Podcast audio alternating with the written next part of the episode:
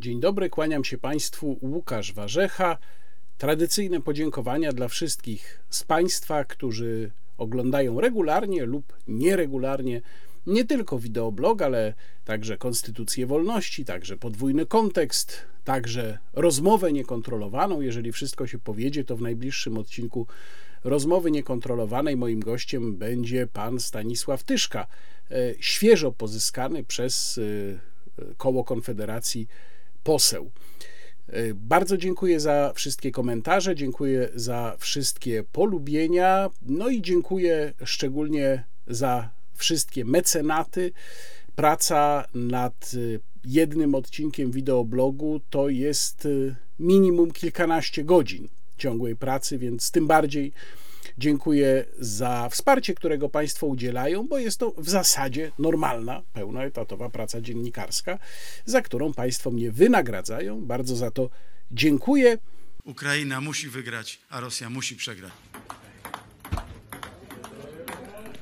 A dzisiaj zaczniemy od y, spraw, które można pomieścić w dużym bloku roku wojny na Ukrainie. Tutaj omówię dla Państwa to, co wydarzyło się ostatnio, i chciałbym zacząć od wprowadzenia w nastrój poprzez y, zaprezentowanie Państwu skrótu wystąpienia pana prezydenta Andrzeja Dudy, przy czym poza tym, że pozwoliłem sobie to wystąpienie telewizyjne wygłoszone z okazji roku wojny na Ukrainie nieco skrócić, to również pozwoliłem sobie dodać dyskretny podkład muzyczny, którego moim zdaniem w tym oryginalnym wystąpieniu zabrakło. Proszę posłuchać. Szanowni Państwo, dokładnie rok temu, 23 lutego, zaledwie kilka godzin przed rosyjską agresją, byłem w Kijowie, by wspierać Ukrainę. Rozmawiałem z prezydentem Wołodymirem Zełenskim. Żegnając się, ujrzałem w jego oczach wielką determinację i odwagę. Powiedział mi wówczas: Możemy się już nigdy nie zobaczyć. Nikt tu się nie podda. Będziemy walczyć do samego końca. Odpowiedziałem: Wołodymyr, zobaczymy się jeszcze wiele razy. Na Polskę zawsze możecie liczyć. Zostańcie z Bogiem. Zachodni świat jest zjednoczony. Rola NATO wzrosła, a do sojuszu przystępują kolejne państwa. Europa nareszcie kończy z uzależnieniem od rosyjskiej ropy i gazu. Putin ponosi porażkę. Nie zrealizował żadnego ze swoich strategicznych celów Powstrzymało go bohaterstwo ukraińskich żołnierzy i ukraińskiego społeczeństwa. Powstrzymała go postawa Polski i innych państw, które od pierwszego dnia wspierały Ukrainę. Ale to wszystko nie byłoby możliwe bez silnego przywództwa Stanów Zjednoczonych. Polska jest liderem pomocy dla Ukrainy, zarówno tej wojskowej, jak i humanitarnej. Właśnie dlatego jesteśmy celem zorganizowanej, cynicznej rosyjskiej propagandy i dezinformacji. Szanowni Państwo, Rosja jeszcze nie przegrała, a Ukraina jeszcze nie zwyciężyła. Dobrze wiemy, że droga do tego zwycięstwa jest jeszcze daleka i będzie okupiona wielkim wysiłkiem i ofiarami. Ale nie ma innej drogi, ale nie ma innej drogi, ale nie ma innej drogi. Wszelkie próby dogadania się z Rosją za plecami Ukrainy są krótkowzroczne i doprowadzą do jeszcze większej tragedii w przyszłości. Żeby zapanował trwały pokój, Ukraina musi zwyciężyć. A żeby miała na to szansę, potrzebna jest jedność całego wolnego świata. Historyczna wizyta prezydenta Stanów Zjednoczonych Joe Bidena w Warszawie pokazuje, jak ważny jest sojusz polsko-amerykański. Zgadzam się z prezydentem Bidenem. Polska potrzebuje Ameryki, a Ameryka potrzebuje Polski. To dla nas druga fala solidarności. Solidarność z Ukrainą. Jako naród zachowaliśmy się jak trzeba. Niech żyje wolna Ukraina, niech żyje Polska. Domyślam się, że niektórzy z Państwa mogli się poczuć oburzeni, no bo jak to? Ja sobie żartuję z takiej poważnej sprawy jak rok wojny, wystąpienie pana prezydenta. No faktycznie, trochę sobie żartuję, a nawet powiem Państwu więcej, ja trochę sobie z tego kpię. A kpię sobie z tego dlatego, że jeśli polityk, zwłaszcza taki, który nie ma do tego specjalnych zdolności, próbuje jakąś tanią grą aktorską w takim wystąpieniu wywrzeć na nas emocjonalną presję, to mnie to zawsze irytuje. I w tym wypadku zirytowało mnie to szczególnie. Ja, szanowny panie prezydencie, mógłbym nawet jeszcze bardziej przejmująco od pana odegrać tę scenę i powiedzieć: Spojrzałem mu w oczy i powiedziałem: Wołodymyr, spotkamy się jeszcze nie raz. Ale przecież nie o to chodzi, żeby uskuteczniać tego typu grę aktorską. No przynajmniej moje oczekiwania wobec głowy polskiego państwa nie są takie, żebym z okazji rocznicy wybuchu nowej fazy wojny trwającej w rzeczywistości od 2014 roku, to trzeba przypominać, usłyszał łzawe opowieści o tym, jak się obściskiwał pan prezydent Andrzej Duda z panem prezydentem Wołodymyrem Zełęńskim, tylko ja chciałbym usłyszeć informacje, które są istotne z punktu widzenia mojego państwa i polskich obywateli. Jedną z takich informacji, która nie została zawarta w wystąpieniu pana prezydenta Andrzeja Dudy, była ta o perspektywie jakiegokolwiek rozwiązania pokojowego tego konfliktu. Bo trudno uznać za taką informację, y, powtórzenie po raz kolejny przez pana prezydenta tej frazy o zwycięstwie Ukrainy, którą to frazę na ogół przedstawiciele obozu rządzącego w Polsce rozumieją w ten sposób, że Ukraina ma odnieść jakieś totalne zwycięstwo i ma odzyskać wszystkie terytoria. Co prawda, coraz bardziej wygląda na to, że jest to jednak czcza retoryka. Nie wiem, czy akurat w przypadku elit polskich, bo tu niestety mam dosyć głębokie przekonanie graniczące z pewnością, że w tym wypadku to nie, ale w wypadku innych uczestników tej gry po stronie Zachodu, no, te informacje, które w ostatnim czasie zaczęły się pojawiać, mówiące o tym, że jest kilka miesięcy na to, czy Kijów ma kilka miesięcy na to, żeby poczynić postępy, i potem na bazie tych postępów jednak już będzie zdecydowana presja na negocjacje, to by wskazywało właśnie, że ten realistyczny wariant jest na Zachodzie rozważany również w Waszyngtonie mimo tego, co mówił pan prezydent Joe Biden w Warszawie, o czym zaraz Państwu opowiem. Natomiast no, z punktu widzenia polskich obywateli, jednak jakaś perspektywa, jakiś docelowy punkt, inny niż to mityczne, totalne zwycięstwo Ukrainy, no to powinniśmy usłyszeć, powinniśmy byli to usłyszeć, ale nie usłyszeliśmy tego z ust pana prezydenta, zamiast tego usłyszeliśmy gładkie frazy, które miały nas wprawić, no nie wiem, dumę, w przekonanie, że warto i tak dalej, i tak dalej. Tutaj warto wspomnieć, że właściwie chyba jedynym państwem, które mogłoby rywalizować z Polską, jeżeli chodzi o zapalczywość i asertywność i jastrzębiość w tym konflikcie jest Litwa. W ostatnim czasie minister spraw zagranicznych Gabrielius Landsbergis, minister spraw zagranicznych Litwy, też przypuścił taki werbalny atak na tych, którzy sugerują, że możliwe byłoby zawarcie jakiegoś porozumienia. Podkreślam to sformułowanie jakiegoś porozumienia, nie pokoju takiego sensu stricto, bo chyba w to nikt nie wierzy, kosztem jakichś ustępstw terytorialnych Ukrainy. Pan minister Landsbergis y, powiedział, że to w ogóle nie wchodzi w grę, należy mówić wyłącznie o kompletnym zwycięstwie Ukrainy y, i też zaapelował, żeby zacząć się już zastanawiać, co będziemy robić po tym kompletnym zwycięstwie Ukrainy i upadku Rosji. Także, jak widać, litewskie elity też są właściwie równie oderwane od rzeczywistości jak polskie, ale to są te dwa kraje, nawet Czesi, którzy bardzo przecież przybrali również jak na siebie jastrzębi kurs w ciągu ostatniego roku, no nie są w stanie sprostać jednak takiemu zapałowi i takiej asertywności i jastrzębiości, jaką prezentują Polacy i Litwini w tym konflikcie. Dlaczego nie jest możliwa całkowita wygrana Ukrainy, czyli taka, w której Ukraina wypycha Rosję ze wszystkich swoich terytoriów, włącznie z Krymem, to już tłumaczyłem w poprzednim wideoblogu, omawiając dokładnie mm, raport Rand Corporation um, Avoiding a Long War, Natomiast przypomnę tylko, że jeżeli mm, większość analityków uważa, i myślę, że co do tego nawet w polskiej elicie jest jednak konsens, że dla Rosji, a już na pewno dla Władimira Putina, ta wojna jest egzystencjalna.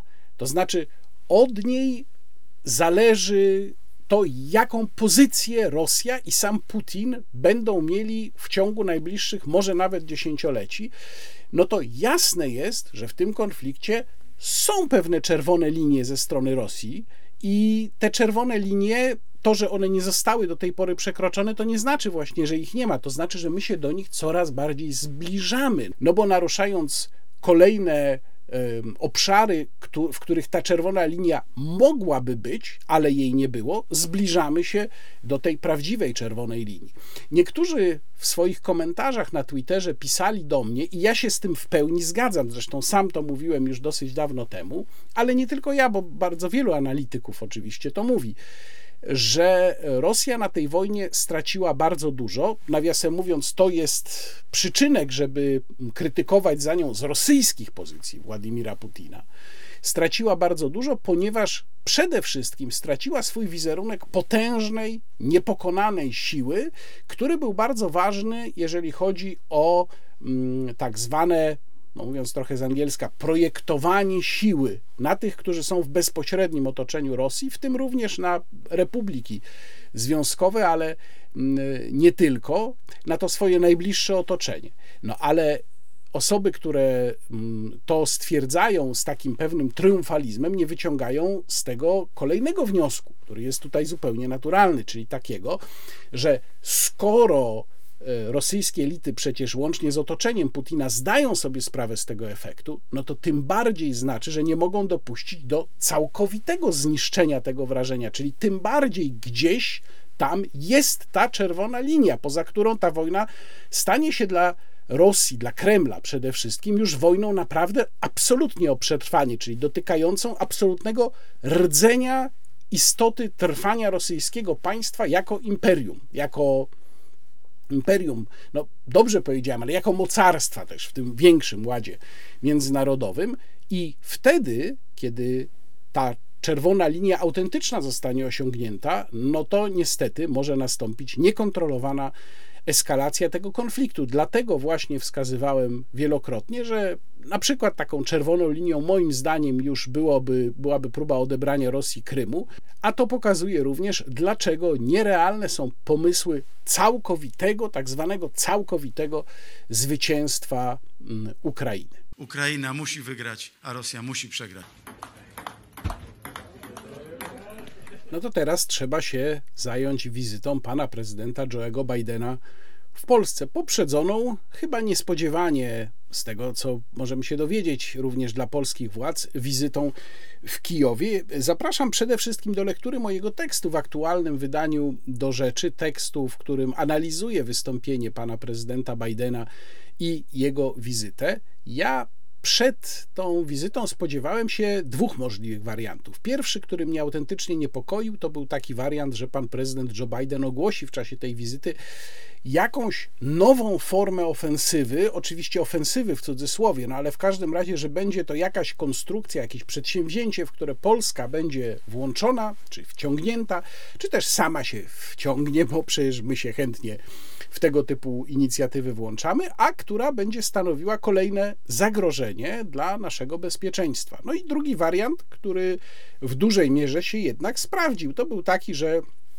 Joe Biden przyjedzie i po prostu tam rzuci te paciorki przed tubylców, a tubylcy spojrzą na te paciorki i powiedzą: Chwała ci, wielki białym bawa, składamy ci hołd. No i mniej więcej tak to wyglądało. Przy czym właściwie był to trochę wariant pośredni, właśnie ze względu na tę wizytę e, prezydenta Stanów Zjednoczonych w Kijowie, która w gruncie rzeczy okazała się przyćmiewać kompletnie wizytę w Warszawie i okazała się ważniejsza. I to również pokazało nam, gdzie w polityce amerykańskiej jest miejsce Warszawy w tej chwili, a gdzie Kijowa.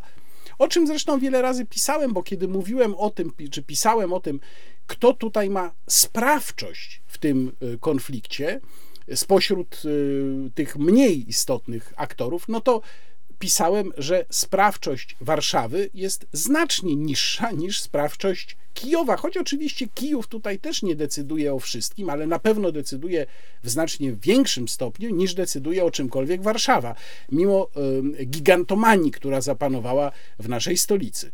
Oczywiście z amerykańskiego punktu widzenia wizyta w Kijowie była ważna, podczas kiedy wizyta w Warszawie no, była powiedzmy sobie mniej istotna. Najważniejsze było to, że prezydent Stanów Zjednoczonych pojechał do miasta, do stolicy państwa, które jest w trakcie wojny, które to państwo jest atakowane. No co prawda w tej chwili daleko od Kijowa, ale Kijów też bywa obiektem ataków rakietowych, czyli to był rzeczywiście, to było rzeczywiście śmiałe posunięcie ze strony amerykańskiej administracji, bardzo wyraźny sygnał, który, jak powiedziałem, przyćmił, w zasadzie całkowicie przyćmił z punktu widzenia strategicznego i międzynarodowego wizytę Joe'ego Bidena w Warszawie. No, to wystąpienie warszawskie w Arkadach Kubickiego miało taką dosyć, mm, powiedziałbym, odpustową e, oprawę. Mm, tam e, akcentem, który mnie najbardziej ubawił, chciałem to nawet Państwu pokazać, ale okazało się, że nie ma tego na żadnym nagraniu. Było to, że orkiestra, która grała pomiędzy wystąpieniem pana prezydenta Andrzeja Dudy a pana prezydenta Joe'ego Bidena, a było to dobrych kilka minut, grała między innymi motyw, który jest jednocześnie wprowadzeniem do latającego cyrku Monty Pythona. Nie wiem, czy ktoś poza mną to wychwycił, ale mnie to niezmiernie ubawiło. Oczywiście chodziło też o to, że PiS w ten sposób dostaje impuls wyborczy, który moim zdaniem jednak się zużyje do jesieni. Więc y, nawet jeśli będzie to w jakiś sposób miało odbicie w sondażach, to jest możliwe, że ta wizyta się teraz będzie odbijać w sondażach, to ten, y, ten, ten wpływ czy to odbicie w sondażach y, potrwa jakiś tam czas. Myślę, że to będzie raptem kilka tygodni i potem już większego wpływu nie będzie miało, również ze względu na to, jak czcza z polskiego punktu wizyta, y, widzenia w gruncie rzeczy była ta wizyta.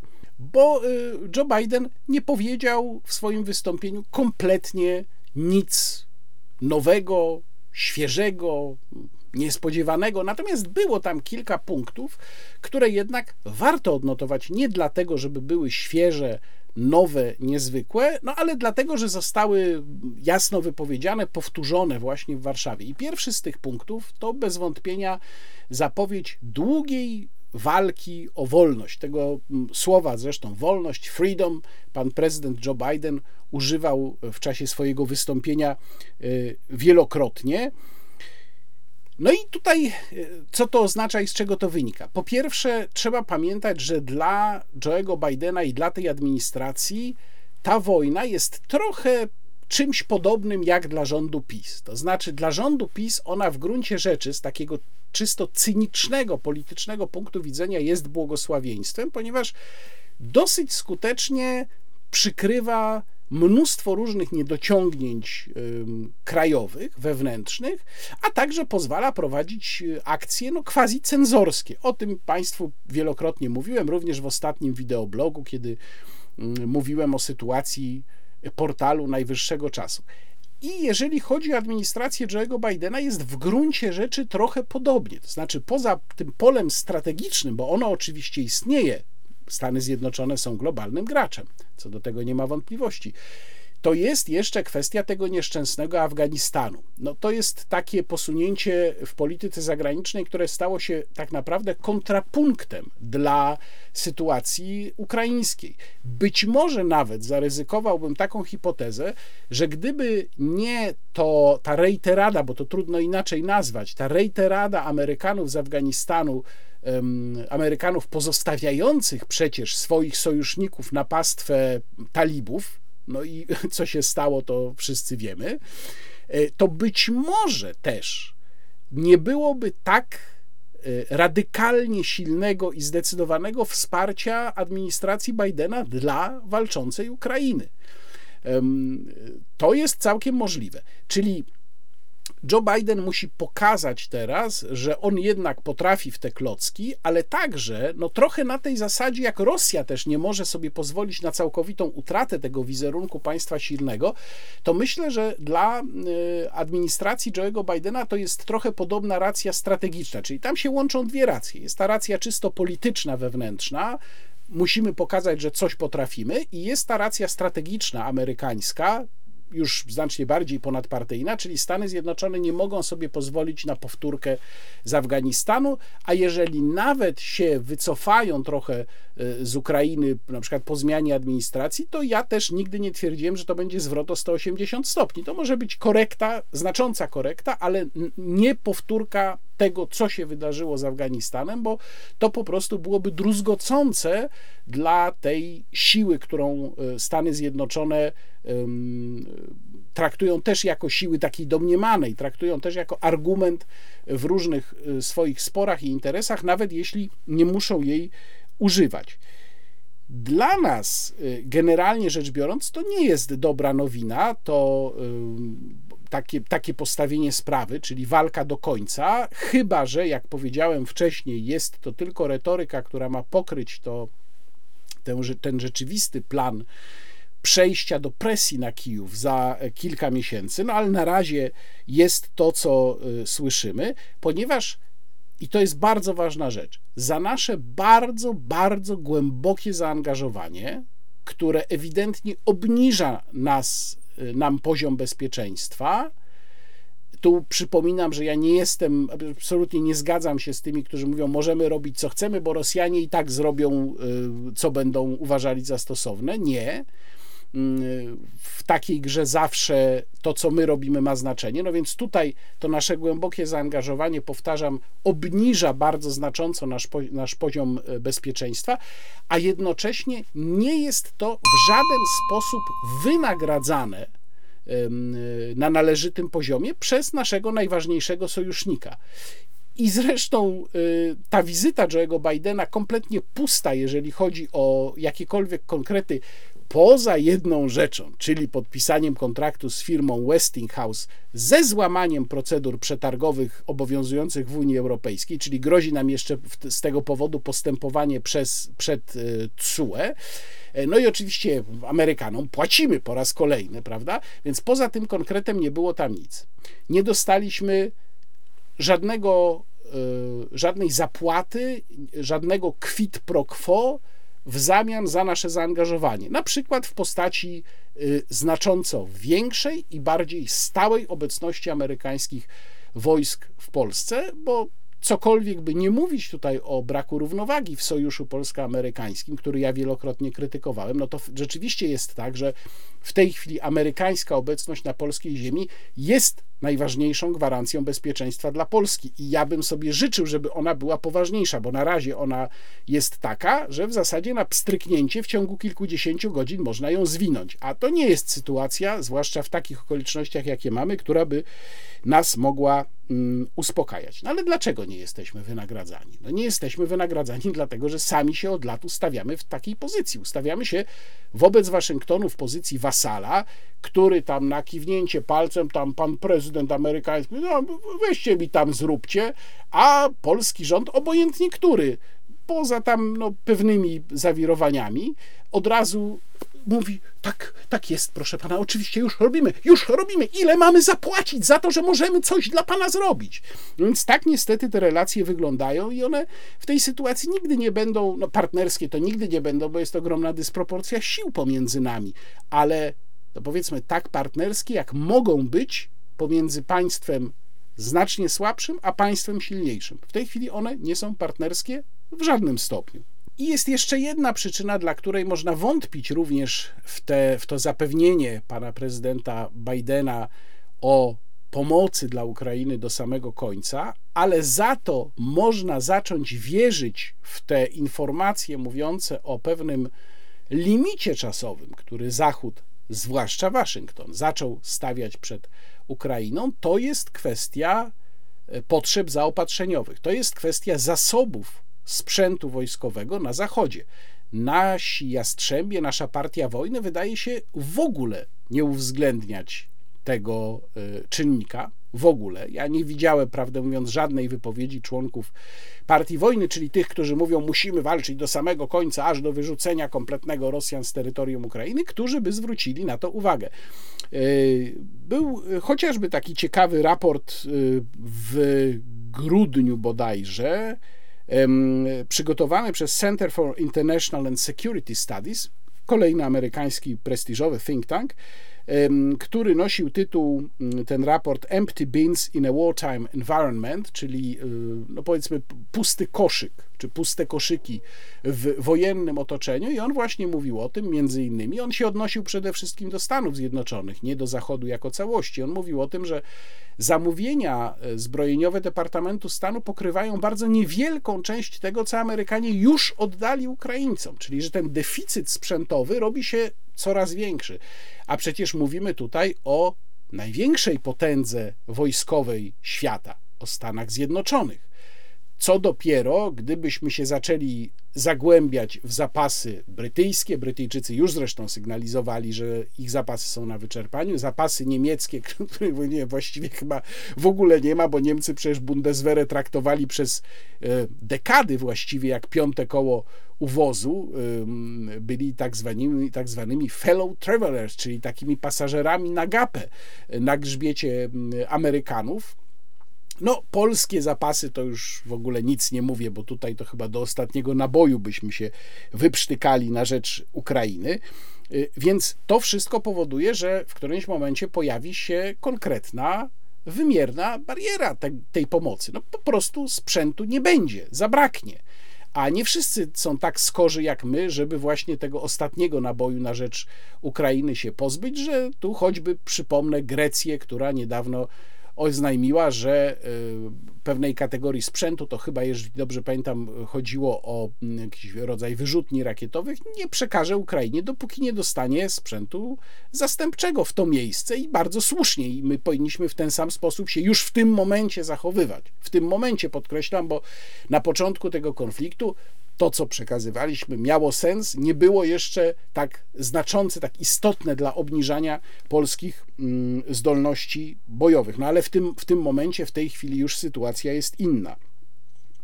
Wreszcie druga rzecz, o której powiedział pan prezydent Biden, która tutaj wydaje się istotna, to przypomnienie artykułu 5 i zapewnienie, że atak na terytorium jednego z państw członkowskich będzie traktowany przez inne państwa członkowskie jako atak na wszystkich, czyli to, co jest spoiwem Sojuszu Północnoatlantyckiego, ale pamiętajmy, że w dużej mierze interpretacja artykułu 5 to jest kwestia woli politycznej, bo artykuł 5 Traktatu Północnoatlantyckiego nijak nie tworzy mechanizmu automatycznego.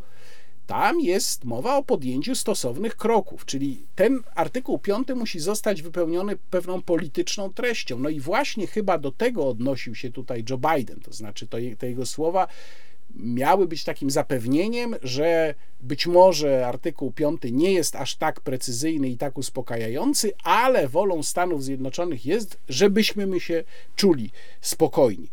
Y, kolejna mm, sprawa to wielokrotne użycie takiego uogólnienia y, y, postaci Putina do postaci autokratów na świecie w ogóle. No i tutaj się można też zastanawiać, czy nie były to słowa, bo przecież takie wystąpienia się dokładnie analizuje na całym świecie, czy nie były to słowa skierowane do niektórych innych przywódców, być może mm, działających wbrew interesom amerykańskim. No i wreszcie ostatnia sprawa, która wydaje mi się istotna, to zastrzeżenie, że Zachód nie toczy wojny z Rosjanami, którzy chcą pokoju. Znów można by to odczytać podkreślam, można by, to znaczy czytając między wierszami tego typu wystąpienia, można by to odczytać jako swego rodzaju ofertę, zachętę dla jakichś kręgów w samej Rosji do tego, żeby zlikwidować Władimira Putina, żeby ktoś inny zajął jego miejsce, ktoś, kto będzie nastawiony dużo bardziej mm, pokojowo niż obecny rosyjski prezydent. Być może taki był sens tych słów, natomiast no tutaj trudno też powiedzieć, co dokładnie było przemyślane, co było tylko taką czystą retoryką. W każdym razie ja bym się tutaj takiego znaczenia właśnie doszukiwał. No i na koniec tej analizy wystąpienia pana prezydenta Bidena trzeba chyba mm, powiedzieć, poza konkluzją, e, którą już właściwie wygłosiłem wcześniej, to znaczy taką, że my jesteśmy najzwyczajniej podwykonawcą w tym konflikcie i w całym tym układzie i uważam, że jakiś złudzenia na temat naszej niezwykłej sprawczości i tego, że my tu jesteśmy architektem wszystkiego i my wszystkim zarządzamy i bez nas w ogóle nic by się nie odbyło, są właśnie świadectwem braku e, realizmu, oderwania od rzeczywistości groźnej gigantomanii, to poza tym wszystkim jeszcze właściwie podkreśliliśmy tę naszą prowincjonalność, tocząc jakiś absolutnie żenujący spór o to, kto dłużej był przy Joe Bidenie, kto tam dłużej go za rękę trzymał, kto go zdybał na schodach, czy na dwie minuty, czy na pięć minut, kto tam marynareczkę Bidena dłużej trzymał za rąbek.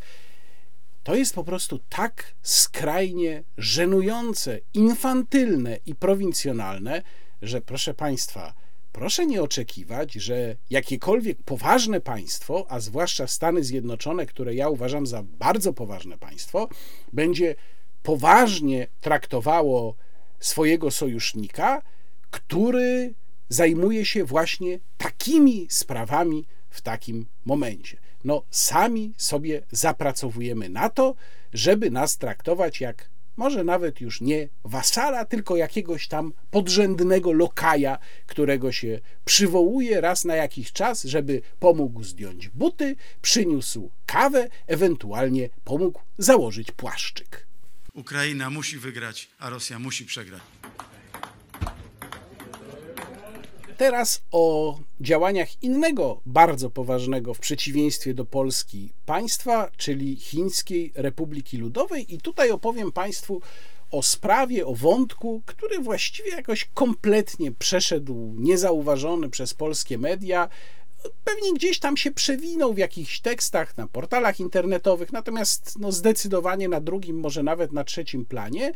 I to jest duży, proszę Państwa, błąd, bo Chiny są tutaj jednym z trzech głównych graczy w tym konflikcie, a nawet być może jednym z dwóch głównych, jeżeli uznać, tak jak ja już jestem skłonny uznawać, że Rosja jest w tej chwili graczem podrzędnym wobec Chin.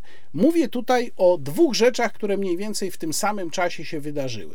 Pierwsza rzecz to było duże tournée dyplomatyczne członka Komitetu Centralnego odpowiedzialnego za dyplomację, dokładnie ta funkcja się nazywa, bo tam te, te funkcje mają specyficzne nazwy, to jest przewodniczący Centralnej Komisji Spraw Zagranicznych Komitetu Centralnego KPH, pan Wang Yi. I pan Wang Yi odbył e, takie tournée trwające około tygodnia po Europie. Odwiedził w czasie tego tournée po kolei e, Paryż, Rzym, Monachium, tam był na konferencji bezpieczeństwa, Budapeszt i na koniec Moskwę. Więc jak y, polski rząd mówił, to no, tu ofensywa dyplomatyczna, to y, ofensywa dyplomatyczna to było to, co uskuteczniał pan Wangi, oczywiście z dużo mniejszym zadęciem, z mniejszym szumem, natomiast no, było to dużo bardziej znaczące i drugi rozdział tego, tej sprawy, drugi wątek tej sprawy, jak mówię, równolegle się odbywający, to było ogłoszenie, e, no tak naprawdę przez Xi Jinpinga, chociaż on personalnie nie jest podpisany pod tym e, tekstem, e, tekstu globalnej inicjatywy bezpieczeństwa, czyli Global Security Initiative, po angielsku tak jest GSI, tak to nazywają, ten, ten dokument, co niektórzy błędnie interpretowali, i taka nazwa też w polskich mediach się pojawiała, jako inicjatywa pokojowa w sprawie Ukrainy. Y, ten dokument będę omawiał za chwilę, natomiast teraz kilka słów na temat podróży pana Wang Yi po Europie, bo naprawdę warto o tym trochę opowiedzieć. E, otóż e, ta podróż, która została oczywiście przykryta rocznicą wojny, podróżą e, Joe'ego Bidena do Polski, to była dalsza próba gry na dwa fronty, czyli z jednej strony wspieranie, cały czas wspieranie Rosji, a z drugiej strony próba odbudowywania relacji, oczywiście nie ze Stanami Zjednoczonymi, bo na to Chiny przecież ani nie mają ochoty, ani nie mają nadziei, ale odbudowywania relacji z niektórymi partnerami mm, europejskimi, a także próba wysądowania możliwości osiągnięcia pokoju. W Paryżu Wang Yi rozmawiał za zamkniętymi drzwiami w Pałacu Elizejskim z panem prezydentem y, Macronem. Y, agencja, chińska agencja Xinhua podkreśliła, że była to szczera wymiana poglądów i że pan Wang podkreślił, że Chiny stoją nadal na stanowisku równego dystansu wobec stron konfliktu i rozwiązania tego konfliktu w drodze rozmów pokojowych. A strona francuska ogłosiła, że obie strony chcą promowania pokoju w zgodzie z prawem międzynarodowym. Oczywiście to mm, sformułowanie dyplomatyczne, szczera wymiana poglądów oznacza, że nie było daleko idącego uzgodnienia stanowisk. Z kolei w Rzymie y, to był bardzo ważny punkt dla Chińczyków wizyty pana Wangi w Europie. W Rzymie mowa była o memorandum dotyczącym udziału Włoch w inicjatywie nowego jedwabnego szlaku, które to memorandum zostało podpisane w 2019 roku. Jego termin mija w 2000, bodajże w marcu 2024 roku, natomiast ono, jeżeli nie zostanie zakwestionowane czy wypowiedziane, to automatycznie odnowi się pod koniec tego roku. No i Chińczykom oczywiście bardzo zależy na tym. Oni wtedy w 2019 roku uznawali podpisanie tego memorandum, tylko rzecz jasna przez zupełnie inny rząd wówczas za swój sukces. Teraz y, pani Meloni nie jest entuzjastycznie nastawiona, nawet użyła takiego sformułowania w pewnym momencie, że podpisanie tego memorandum z Pekinem było ogromnym błędem. No więc pan Wang Yi przyjechał do Rzymu sądować możliwość e, przedłużenia tego memorandum, a może po prostu nie wypowiadania go tak, żeby ono się przedłużyło samo. Przy czym memorandum, pamiętajmy, to nie jest jakiś obowiązujący dokument. To samo zresztą dotyczy memorandum budapesztańskiego, na które często się powołują różne osoby, twierdząc, że ono zobowiązywało Zachód do obrony Ukrainy. To nie jest prawda. Memorandum jest tylko takim no, oświadczeniem woli, niczym więcej. Ono nie ma charakteru umowy e, międzynarodowej.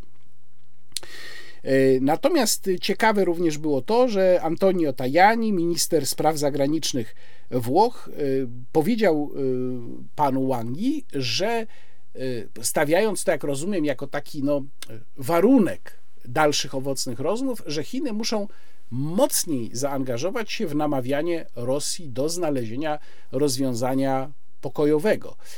I to nie jest dziwne. Tutaj pojawiły się analizy. Myślę, że to jest dobry moment, żeby o tym powiedzieć.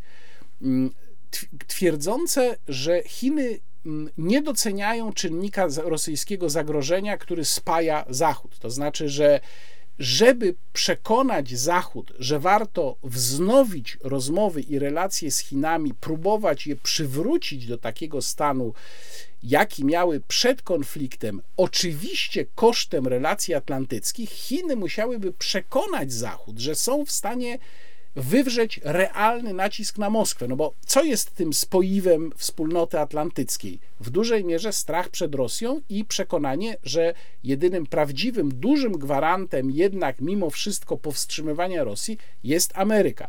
Więc jeżeli Chiny chcą przeciwstawić Europę Ameryce, a oczywiście taki jest w dużej mierze cel, był cel wizyty pana Wang Yi w Europie, tego tournée, no to muszą pokazać, że są w stanie coś w zamian dać.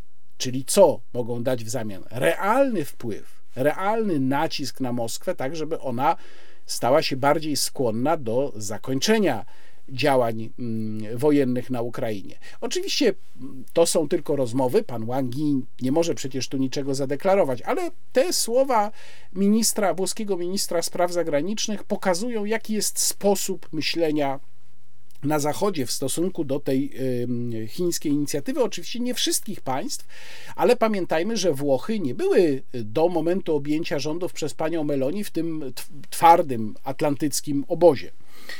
Y, potem pan Wang Yi znalazł się na konferencji bezpieczeństwa w Monachium. Tam się odnosił między innymi do sprawy, y, słynnej sprawy balonu zestrzelonego nad Stanami Zjednoczonymi, twierdząc, że to takie było zamieszanie, które miało odwrócić uwagę od wewnętrznych problemów amerykańskich. Wtedy również doszło do spotkania Antonego Blinkena, sekretarza stanu z panem właśnie Wang Yi, po którym sekretarz Blinken powiedział, że Chiny zamierzają przekazać Rosji śmiercionośną broń. Te informacje zostały zdementowane przez Pekin i na razie nie ma jakichś konkretnych przesłanek, które by mogły o tym świadczyć.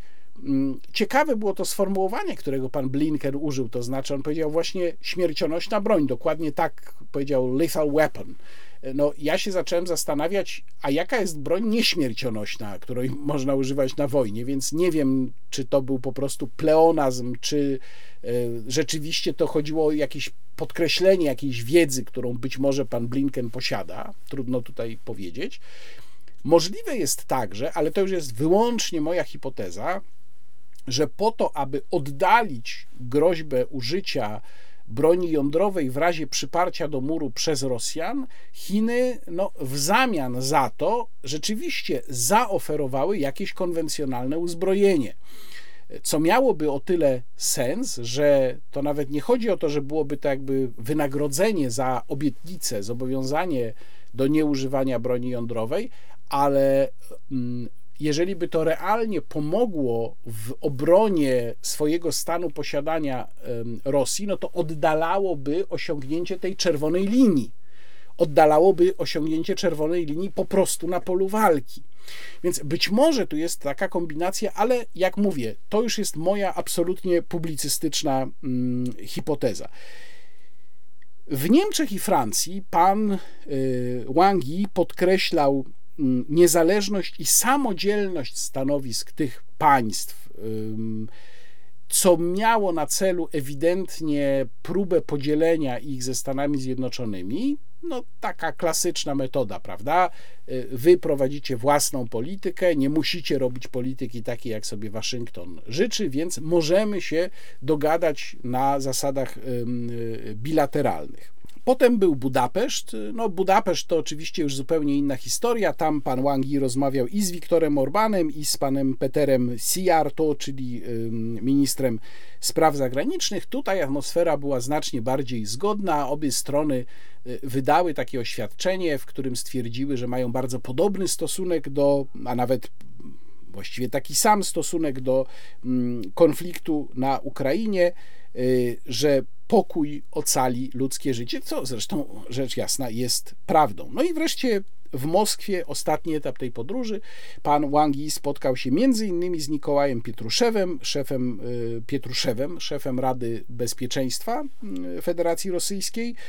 Y, obie strony potępiły powrót do zimnowojennej polityki konfrontacji bloków. To jest w ogóle bardzo ciekawe i proszę to zapamiętać, bo za chwilę będę o tym mówił w kontekście tego mm, tekstu, tego programu zaprezentowanego przez Pekin, a tak naprawdę przez Xi Jinpinga, to jest oczywiście przytyk do polityki amerykańskiej. Zawsze, kiedy pojawia się w kontekście Rosji czy Chin mowa o zimnowojennym podziale świata, o konfrontacji bloków, to jest to przytyk do polityki amerykańskiej. Było też y, spotkanie z Władimirem Putinem, przy czym ono, co ciekawe, nie było tak jak my przywykliśmy te, do tych obrazków, gdzie tam Macron po jednej stronie długiego stołu, Putin po drugiej. Nie, nie. Tutaj był normalny stół. obie delegacje siedziały naprzeciwko siebie i były wszerz, a nie tak wzdłuż tego stołu, więc odległość nie była wielka. Był jakiś spacer z Siergiejem Ławrowem. No i przesłanie było takie, uzgodnione przez obie strony, że relacje chińsko-rosyjskie są twarde jak skała. Natomiast ten e, nacisk na negocjacje, na to, że negocjacje są potrzebne, to nie jest oczywiście tylko Wang Yi, który o tym wspominał. Wspominał o tym również, rzecz jasna, podczas swojego wystąpienia na konferencji mm, w e, Monachium. E, inny chiński dyplomata, przedstawiciel Chińskiej Republiki Ludowej w Brukseli, pan Fu Kung, e, stwierdził, że Chiny są coraz bardziej zaniepokojone retoryką o całkowitym zwycięstwie w polu, która jest po obu stronach obecna, bo przecież no, to jest stanowisko w tej chwili e, i ukraińskie, czy może bardziej amerykańsko-ukraińskie, i rosyjskie. Jedna bardzo ważna uwaga na podsumowanie tego, tej części wideoblogu, czyli y, relacji z wizyty pana Wang Yi w Europie, a zaraz będzie to bardzo widoczne, kiedy zrelacjonuję Państwu, co znajduje się w Global Security Initiative Concept Paper, który tutaj mam i który dokładnie przeczytałem. Y, Chiny grają nie tylko na to, żeby wbić klin pomiędzy, mm, czy w środek obozu atlantyckiego, pomiędzy przynajmniej część państw europejskich, bo na pewno nie Polskę i Stany Zjednoczone. Proszę zauważyć, że Wangi i Polskę w ogóle ominął, mimo że przecież e, mieliśmy z Chinami wcale nie najgorsze relacje przez długi czas jeszcze za tej władzy. Ale y, to również jest gra do audytorium, o którym w Polsce się zapomina, nie mówi się, bo to się nie mieści po prostu. W propagandzie mówi się w Polsce, że Rosja jest wyizolowana. No nie jest to prawda. Jak spojrzeć na cały świat, to Rosja nie jest absolutnie wyizolowana. Rosja jest wyizolowana rzeczywiście od Zachodu, który ma oczywiście przemożne znaczenie gospodarcze. To jest bardzo ważne. Ale Chiny i Rosja, a bardziej Chiny w tym momencie, grają do innego audytorium. Grają do audytorium państw z tej drugiej, a także trzeciej ligi. I to za chwilę będzie bardzo wyraźnie widoczne, kiedy zrelacjonuję Państwu, co jest w tekście firmowanym nieoficjalnie przez Xi Jinpinga, przewodniczącego Chińskiej Republiki Ludowej. Ukraina musi wygrać, a Rosja musi przegrać.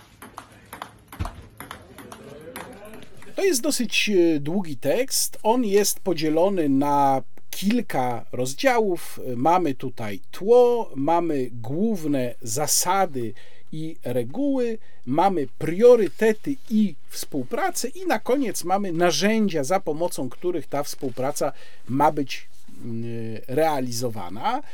Na pozór, jak ktoś przeczytał ten tekst, nie patrząc między wierszami, to by powiedział, a taki zbiór słusznych komunałów. Ale to wcale tak nie jest, kiedy się wie, jak odczytywać poszczególne stwierdzenia, które się w tym tekście znalazły. A więc co my tu mamy? Na początek mamy podkreślenie wagi integralności terytorialnej i suwerennej równości państw. To oznacza, że Chiny już na samym początku tego tekstu zaznaczają, że będą występować jako rzecznik tych mniejszych, bo skoro podkreślana jest suwerenna równość państw, czyli że państwo niezależnie od swojego potencjału, powierzchni, liczby ludności, potencjału gospodarczego, powierzchni, liczby ludności, powinno być na tych samych zasadach traktowane, co państwo znacznie potężniejsze, no to Chiny tutaj się ustawiają w roli rzecznika tych małych w stosunku do tych wielkich, a tak naprawdę do jednego wielkiego, czyli do Stanów Zjednoczonych. Jest mowa o podtrzymaniu zasad z Karty Narodów Zjednoczonych, o sprzeciwie wobec unilateralizmu, o sprzeciwie wobec mentalności zimnowojennej i konfrontacji bloków. To są wszystko wycieczki pod adresem Stanów Zjednoczonych, również e, właściwie to samo, co e, znalazło się w oświadczeniach stron po spotkaniach pana Wang Yi w Moskwie. Kolejny istotny punkt uszanowanie obaw dotyczących bezpieczeństwa wyrażanych przez każdy kraj. Bezpieczeństwo jest nieodmiennie zbiorowe, czyli należy je traktować holistycznie. Tam się to pojęcie holistycznego podejścia pojawia w tym tekście bardzo często. I co to oznacza? No to jest moim zdaniem ewidentne nawiązanie do obaw rosyjskich przed rozszerzaniem zachodniej sfery wpływów, e, również o Ukrainę. Czyli powtarzam, trzeba zrozumieć e, podejście do bezpieczeństwa i obawy o swoje bezpieczeństwo każdego kraju. Jest potępienie wojny, jest też potępienie sankcji. Duże państwa, pisze autor tego tekstu, powinny ułatwiać negocjacje pokojowe. Znów jest to ewidentna szpila wbita Waszyngtonowi. Jak powiedziałem, powtarza się teza o konieczności holistycznego podejścia do bezpieczeństwa i dialogu w każdej dziedzinie, w tym również z uwzględnieniem e, gospodarki. E, I można to odebrać jako sprzeciw wobec protekcjonistycznych praktyk Chin i wskazywanie, że takie praktyki mogą być zagrożeniem dla bezpieczeństwa. Jeżeli wszystko rozpatrujemy łącznie, czyli i handel, i bezpieczeństwo twarde, no to protekcjonistyczne praktyki można uznać za zagrożenie dla bezpieczeństwa tak holistycznie pojmowanego. To nam chcą Chińczycy przekazać. Teraz, jeżeli chodzi o zalecenia, co należy robić. Podtrzymanie systemu ONZ i podjęcie inicjatyw ONZ w sprawie pokoju, czyli to jest sprzeciw wobec jednostronnych działań prowadzonych poza organizacją Narodów Zjednoczonych. Tu trzeba przypomnieć, że Chiny oczywiście są stałym członkiem Rady Bezpieczeństwa. E, współpraca najważniejszych państw, które powinny współistnieć zgodnie i na zasadach win-win, czyli jak będą współpracować, to wszystkie strony wygrywają. Twarde podtrzymanie zasady to jest bardzo ważny punkt. Twarde podtrzymanie zasady, że wojna jądrowa nie może zostać przez nikogo wygrana, znaczy nikt nie jest w stanie jej wygrać i w związku z tym nie może się rozpocząć. Ten punkt z kolei brzmi jak ewidentne ostrzeżenie wysłane pod adresem Kremla, żeby nie próbował korzystać z broni jądrowej, nawet jeżeli zostanie przyparty do muru, a jednocześnie jest to pewnego rodzaju puszczenie oka w stronę Zachodu bardziej nawet, jak sądzę, w stronę tych potencjalnych partnerów w Europie Zachodniej, czyli my, Chińczycy, pilnujemy Rosjan, żeby nie użyli broni, broni jądrowej, więc się nie bójcie, niż w stronę samych Stanów Zjednoczonych. Dalej mamy uczestnictwo w procesie powstrzymywania broni masowego rażenia i ograniczania zbrojeń konwencjonalnych. No tutaj znów można odebrać to w ten sposób, że to jest jakiś przytyk do Rosjan, którzy zawiesili przecież swoje uczestnictwo w układzie START i tak wygasającym w 2026 roku, no ale, ale jednak zawiesili. Dalej, rozwiązywanie kryzysów poprzez dialog z założeniem nie mieszania się w sprawy wewnętrzne i w oparciu o mm, e, regułę praktyczności. E, znów nawoływanie do dialogu, e, nie mieszanie się w sprawy wewnętrzne, to jest dla Chińczyków bardzo ważne ze względu na ich różne wewnętrzne problemy. No i tutaj, to jest niezwykle istotne, pojawia się konkretna nazwa państwa Ukraina. Jest to jedyne miejsce w całym dokumencie, gdzie w kontekście sytuacji kryzysowych, trudnych, pojawia się nazwa konkretnego państwa, konkretnej sytuacji. Nigdzie indziej w tym dokumencie, w takim kontekście to się nie pojawia. Tutaj się pojawia i mowa jest o tym, że e, kryzysy takie jak ukraiński powinny być rozwiązywane poprzez dialog i negocjacje. Prawdopodobnie dlatego ten dokument również bywa mm, błędnie uznawany za plan pokojowy w sprawie Ukrainy, którym on nie jest. Ale faktem jest, że Ukraina jest tutaj wymieniona jako konkretny kraj, którym Chińczycy, na który Chińczycy patrzą.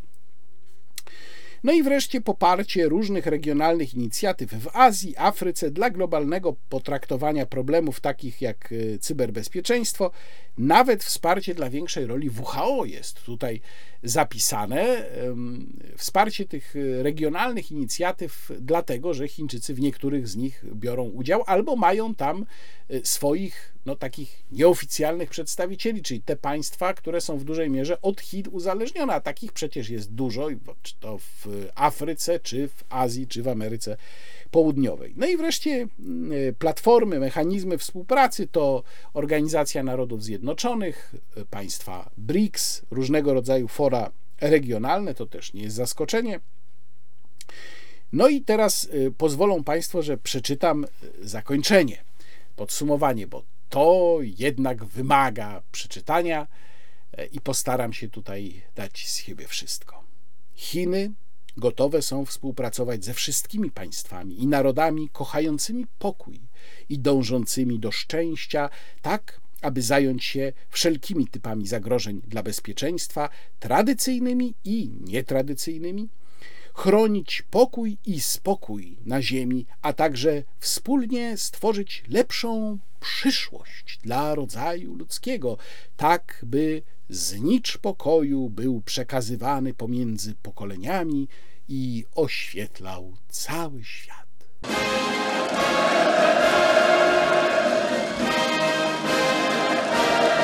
No, wzruszyłem się czytając to podsumowanie, ale to jest takie chyba w bardzo chińskim stylu. Co ten dokument nam mówi? No przede wszystkim mówi nam, jak y, Chiny wyobrażają sobie swoją rolę w tym układzie, stając naprzeciwko Stanów Zjednoczonych. Przede wszystkim próbują się pozycjonować jako siła, która będzie wspierała słabszych, mniej zaawansowanych, właśnie w obliczu ewentualnych jakichś nacisków amerykańskich. Stąd podkreślanie roli Organizacji Narodów Zjednoczonych, stąd podkreślanie roli prawa międzynarodowego, podkreślanie roli różnego rodzaju organizacji i niezgoda na unilateralizm, bo Chiny są przekonane, że mogą rywalizować ze Stanami Zjednoczonymi tylko w układzie multilateralnym i to jest ten spór pomiędzy Stanami Zjednoczonymi, które e, no, niejako w naturalny sposób dążą do unilateralizmu, tak jak to było na początku lat 90., a Chinami, które no, znacznie dzisiaj silniejsze jednak niż na początku lat 90., te trzy e, dekady temu, um, będą chciały podjąć konkurencję ze Stanami Zjednoczonymi i tak naprawdę właściwie to jest dążenie do bipolarnego świata, nie multilateralnego, ale żeby dojść do tego bipolarnego świata, to najpierw trzeba y, przejść przez etap multilateralizmu, żeby Stany Zjednoczone nie stały się tym głównym biegunem. Druga sprawa, nacisk na negocjacje pokojowe, na układy, na spokój, na dialog wydaje się próbą złagodzenia obaw, przynajmniej w Europie, bo znów myślę, że to nie wpłynie, nie, nie jest to sygnał skierowany dla, do Amerykanów, ale to jest sygnał skierowany do Europy, którego zadaniem może być również złagodzenie jastrzębiej postawy Xi Jinpinga wobec Tajwanu. Czy może właściwie złagodzenie nie samej postawy, tylko wrażenia, jakie ta postawa wywołuje w Europie gdzie e, no, cały czas gdzieś w tyle głowy jest to, że Chińczycy mogą spróbować wykorzystać sytuację na Ukrainie po to, żeby uderzyć na Tajwan, i to jest duża obawa. I mam wrażenie, że GSI e, stawia sobie również za cel załagodzenie tych obaw. E, przekazanie Europejczykom: nie bójcie się, to nie jest nasz plan. My nie chcemy niczego robić gwałtownie, chcemy ewentualnie robić, ale poprzez negocjacje. I tak jak powiedziałem już wcześniej, w tej chwili nie ma woli dojścia do jakiegoś rozwiązania pokojowego na Ukrainie. W poprzednim wideoblogu tłumaczyłem ten mechanizm w detalach, omawiając raport Rand Corporation. Mówiłem, że mm, jeżeli każda ze stron wojujących uważa, że więcej jest w stanie osiągnąć w danym momencie, walcząc nadal, niż przystępując do negocjacji, no to jasne jest, że żadna nie będzie chciała tych negocjacji, nawet jeśli te mm, informacje o limicie czasowym dawanym przez Zachód Ukrainie są prawdziwe, to one też wskazują na to, że przynajmniej w tym momencie, czyli przez najbliższych kilka miesięcy, Zachód jest zdeterminowany, że tak naprawdę Waszyngton przede wszystkim jest zdeterminowany, żeby jeszcze uzyskać jak najwięcej się da, zanim nastąpi ta faza nacisków na negocjacje. Ale Chiny i tak już się pozycjonują jako ten kraj, który od początku chciał negocjacji, który trzyma rozsądny dystans do mm, obu walczących stron i który w razie czego opowiada się właśnie za pokojowym rozwiązaniem, czyli to już jest tworzenie swojej pozycji e, na moment, kiedy ona mm, może się do czegoś przydać. I ciekawe jest to, że Wołodymyr Zełeński w jakiś sposób podjął tę inicjatywę bo zasugerował, że no co prawda to nie jest plan pokojowy, to jest raczej taki wyraz intencji, opis pewnych idei, a on się z niektórymi zgadza, to również powiedział Zełeński, pan prezydent Zełeński, i pan prezydent Zełeński powiedział również, że on gotów jest spotkać się z Xi Jinpingiem, żeby o tym planie, czy w ogóle o sytuacji na Ukrainie rozmawiać. Co prawda, stwierdził, że jego intencją jest e, zapobieżenie przekazywaniu przez Chińczyków broni Rosjanom i że to, to jest główny powód tego spotkania, ale można też założyć, że być może Ukraina, szykując się na ten moment, kiedy trzeba będzie negocjacje podjąć, no, chce wybadać, jakie tu jest stanowisko chińskie i ile mogłaby, ile Kijów mógłby od Pekinu uzyskać. No i wreszcie na koniec cały czas jest pytanie, na ile polskie stanowisko względem Chin, względem e, propozycji chińskich ewentualnych musi być identyczne jak stanowisko Waszyngtonu. Ile my w tym wszystkim mamy suwerenności i jaki mamy interes, żeby w konflikcie, który z pewnością będzie nabierał rumieńców amerykańsko-chińskim, brać jednoznacznie amerykańskie stanowisko i uznawać je za jedyne możliwe. Tutaj nie ma prostej odpowiedzi, bo rzeczywiście, tak jak mówiłem wcześniej, Ameryka jest gwarantem naszego bezpieczeństwa. To można być z tego niezadowolonym, ale tak po prostu jest. To jest twardy fakt, który każdy realista musi uznać. No i teraz jest pytanie, czy ceną za to, że Amerykanie nam to bezpieczeństwo zapewniają, a przynajmniej twierdzą, że nam je zapewnią, jakby co, musi być nasze całkowite odwrócenie się od Chin, które wydają się kształtować, lepić dla siebie rolę na czas po konflikcie, czy też my tu mamy jednak jakieś pole suwerennej gry. Ja się obawiam, że to pole suwerennej gry jest bardzo niewielkie i że w ten sposób płacimy niestety za swoją wasalną pozycję wobec Stanów Zjednoczonych. Natomiast z całą pewnością warto i trzeba po prostu obserwować, co Chińczycy dalej będą robić, a już szczególnie w momencie, w którym nadejdzie e, czas na rozmowy pokojowe, bo on oczywiście nadejdzie wbrew pokrzykiwaniom partii wojny, że żadnych rozmów pokojowych, że nie będzie nigdy ziemi za pokój. Stawiam na powiedzmy 75 do 80%, że tak właśnie się ten konflikt zakończy, nawet jeżeli to zakończenie będzie w założeniu tymczasowe, czyli rozejmowe, nie pokojowe. No i wtedy przyjdzie czas na kształtowanie światowego ładu innymi środkami niż wojskowe, i zdaje się, że do tego właśnie głównie Chiny się dzisiaj przygotowują. Ukraina musi wygrać, a Rosja musi przegrać.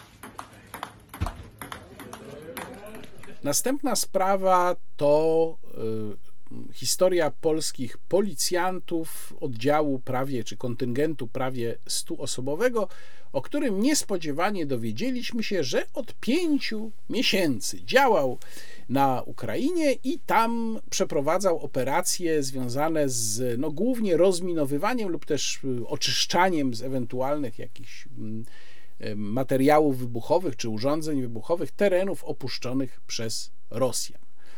Ja muszę powiedzieć, że dla mnie ta mm, informacja była szokująca, ponieważ ona podważyła w zasadzie resztki e, mojego zaufania do obecnej władzy. Okazuje się, że decyzję o wysłaniu tych funkcjonariuszy na Ukrainę podjęto w całkowitej tajemnicy w sekrecie przed obywatelami i ja oczywiście rozumiem, że tego typu operacje muszą być tajne, więc nie tyle mam pretensje o to, że y, obywatele się nie dowiedzieli o tym, że taka operacja się odbywa i kiedy, ale że decyzja, sama kierunkowa decyzja o tym, żeby przekroczyć pewną linię ryzyka, pewien poziom ryzyka, została właśnie podjęta kompletnie bez komunikowania tego obywatelom. A jakie tutaj ryzyka były. Kiedy pisałem o tym na Twitterze, to część moich odbiorców ewidentnie nie zrozumiała, co ja mam na myśli. To nie jest dla mnie jakaś nowość, bo zaczęli to interpretować tak, że ja mówię o ryzyku dla tych funkcjonariuszy, którzy podobno byli ochotnikami. E, no, być może tak było, ale to nie ma żadnego znaczenia. Oczywiście nie mówiłem tu o ryzyku dla poszczególnych funkcjonariuszy, ja mówiłem o ryzyku dla państwa polskiego które to ryzyko wynikało z faktu, że ten oddział, jednak działający na terytorium państwa toczącego wojnę z Rosją, która jest naszym przeciwnikiem. No nie ma co tutaj udawać, że jest inaczej. Na szczęście nie jesteśmy uczestnikiem tej wojny, ale Rosja jest naszym przeciwnikiem. Otóż ten oddział mógł e, stać się ofiarą Rosjan. Mógł wpaść pod ostrzał. Jacyś jego członkowie mogli zostać zabici e, albo mogli zostać wzięci do niewoli. I teraz proszę sobie wyobrazić, w jakiej sytuacji znalazłoby się państwo polskie, gdyby któryś z tych funkcjonariuszy znalazł się w rosyjskiej niewoli. No, natychmiast na pewno zostałoby to wykorzystane przez rosyjską propagandę. Ten człowiek pewnie by został pokazany, by zostałby zmuszony prawdopodobnie do mm, wygłaszania jakichś stwierdzeń. Nawet ja wolę nawet o tym nie myśleć. Znaczy, poziom ryzyka i e, problem dyplomatyczny, który by się wtedy zaczął dla Polski, dyplomatyczny, strategiczny, nie wiem, właściwie nie, nie widzę wtedy dobrego wyjścia z takiej sytuacji. Natomiast e, to właśnie miałem na myśli, mówiąc o tym, że rząd podjął po prostu skandalicznie wysokie, jak na tę sytuację, e, ryzyko. Rosjanie mogli potraktować Polaków jako wrogów, y, dlatego że byli to członkowie formacji uzbrojonej. Ja nie uzbrojonej mówię w sensie ogólnym, nie że oni mieli przy sobie akurat broń, będąc na Ukrainie. Tego nie wiem. Może mieli, może nie mieli, ale generalnie policja jest formacją uzbrojoną, a ich tak zwana misja humanitarna, jak to zostało przez rząd określone, nie miała żadnego prawno-międzynarodowego umocowania. Więc nie chroniła tych funkcjonariuszy żadna umowa prawno-międzynarodowa, żadna konwencja. Oni tam po prostu byli jako, no, no nie wiem właśnie kto, jako mm, członkowie czy, czy walczący po stronie ukraińskiej, no bardzo trudno powiedzieć, jako kto. Polscy policjanci rzeczywiście uczestniczyli wielokrotnie w misjach pokojowych, podkreślam, pokojowych to były różne misje, na przykład UNPROFOR w Jugosławii, e, UNMIK w Kosowie, teraz to się nazywa EULEX, ta misja jest kontynuowana pod inną nazwą. E, w Gruzji to był UNOMIK, EUPOL w Afganistanie, tylko że wszystkie te sytuacje, wszystkie te misje były pod flagą międzynarodową. To na ogół była flaga Organizacji Narodów Zjednoczonych, to jest w większości tam, gdzie od UN się zaczyna nazwa danej misji. Mm, to była również flaga Unii Europejskiej czy Unii Zachodnioeuropejskiej. Y, natomiast tam, gdzie były to misje Narodów Zjednoczonych, to one były objęte regułami i ochroną wynikającymi z karty Narodów Zjednoczonych. Y, takie reguły to jest przede wszystkim mandat międzynarodowy danej misji, który na podstawie Karty Narodów Zjednoczonych uchwala Rada Bezpieczeństwa Narodów Zjednoczonych. I wtedy taka misja ma prawną międzynarodową ochronę, działa na zasadzie tego mandatu. Stąd zresztą są na ogół te specjalne stroje, specjalne oznaczenia. Tutaj niczego takiego nie było. Dlatego właśnie pozwoliłem sobie do Ministerstwa Spraw Wewnętrznych przesłać kilka pytań dotyczących e, podstaw prawnych, statusu tego kontyngentu na Ukrainie. No, zobaczymy, czy ministerstwo łaskawie mi odpowie, czy też nie odpowie. Niektórzy wskazywali mi w czasie dyskusji na Twitterze z takim charakterystycznym protekcjonizmem, że przecież udział y, polskich policjantów w misjach zagranicznych reguluje ustawa o policji. Dokładnie chodzi tutaj o rozdział 10a. No owszem, reguluje, tylko że to nie dotyczy czegoś takiego, jak tutaj mieliśmy. Tam nawet nie ma w ustawie o policji sformułowania misja humanitarna. Nie wiem, co to ma być misja humanitarna. To jest jakieś publicystyczne sformułowanie pana ministra Kamińskiego. W ustawie o policji jest misja pokojowa, ale misja pokojowa właśnie działa na zasadzie rezolucji Rady Bezpieczeństwa e, Organizacji Narodów Zjednoczonych. Tutaj była jakaś tajemnicza bilateralna umowa. Nie wiadomo też, kto dowodził tą misją tam na miejscu, komu ona podlegała Ukraińcom, Polakom, kto wydawał polecenia i tak dalej.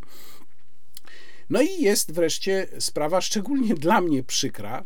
To znaczy, ja do tej pory byłem przekonany i no, broniłem takiego poglądu, że mm, jeżeli się pojawia informacja o tym, że na Ukrainie działają jakieś polskie formacje, to w zasadzie na pewno jest to informacja powielana i przekazywana przez rosyjskie trole, bo przecież wiem doskonale, że rosyjskie trole w internecie działają i widziałem tego typu informacje wielokrotnie. No ale powiem szczerze, że po ujawnieniu tej informacji to już niczego nie jestem pewien. No i są, jest wreszcie najważniejsze pytanie, kluczowe, dlaczego właściwie polski rząd wysłał tę misję pięć miesięcy temu. Co chciał osiągnąć? Czy bez tej misji Ukraina by się zawaliła, czy bez tej misji Ukraina by się nie rozminowała? Czy te 100 osób robiło taką gigantyczną różnicę? No, myślę, że jednak nie. Więc pytanie jest po co? Czy to ogromne ryzyko, które się wiązało z obecnością polskich policjantów y, w tamtym miejscu było czegoś warte. Czy ono nam coś kupiło? Bo tak się patrzy na relacje pomiędzy państwami, nie na zasadzie sentymentu, tylko na zasadzie tego, czy, zwłaszcza w takich okolicznościach, czy to nam coś zapewniło, czy to było w jakiś sposób konieczne, czy to ryzyko w jakiś sposób się uzasadniało. Ja nie mam takiego wrażenia, choć być może o czymś nie wiem. No ale są też inne wątpliwości. Czy na przykład wszyscy, którzy pojechali na tę misję, rzeczywiście byli policjantami? Czy, no nawet załóżmy, że połowa to byli pirotechnicy.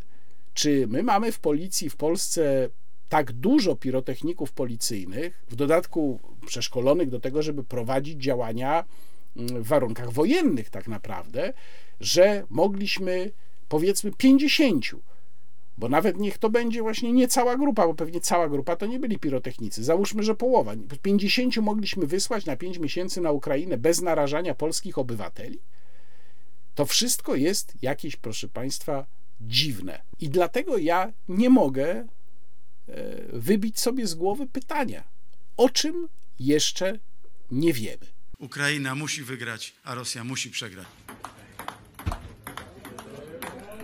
No to teraz, że tak polecę Manty Pythonem, który już wystąpił wcześniej w tym wideoblogu, choć e, wystąpił tylko na zasadzie pewnego skojarzenia.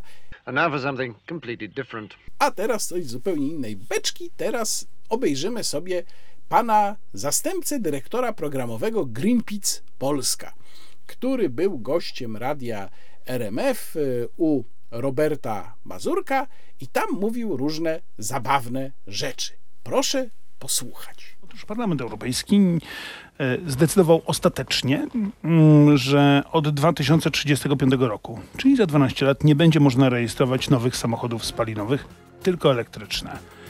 E, pana to cieszy? Nie, nie cieszy mnie to, dlatego że to zdecydowanie za późno. Okej. Okay. E, samochód elektryczny Opel Corsa, sprawdziłem, proszę pana, kosztuje w tej chwili 160 tysięcy nowy w podstawowej wersji, spalinowy 80 tysięcy. E, rozumiem, że to po to, żeby było mniej tych samochodów. E, to przede wszystkim jest tak, że tego typu przepisy powodują, że z czasem takie samochody tanieją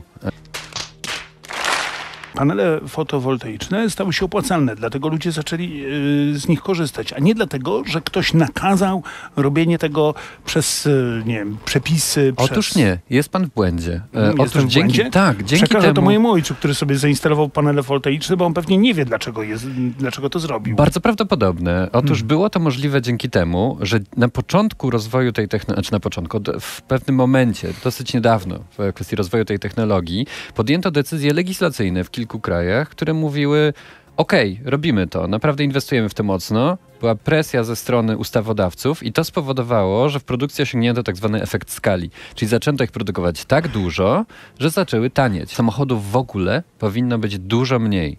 Tak. E, ponieważ w tym momencie żyjemy chociażby w mieście, w którym rozmawiamy. Rozmawiamy w Warszawie. Żyjemy w mieście, w który, które jest zdominowane przez samochody, a wcale niekoniecznie większość osób, które się po tym mieście porusza już teraz, samochodów używa. Mhm. To jeszcze raz. Y elektrownie atomowe, Pana zdaniem, nie powinny powstawać. E, w Polsce zdecydowanie mamy, e, w Polsce w tym momencie zdecydowanie nie. Mamy lepsze alternatywy, szybsze, tańsze, dostępne A jakie to są zaraz. szybsze, które zrobią, dadzą nam tyle samo prądu, mhm. co elektrownia atomowa?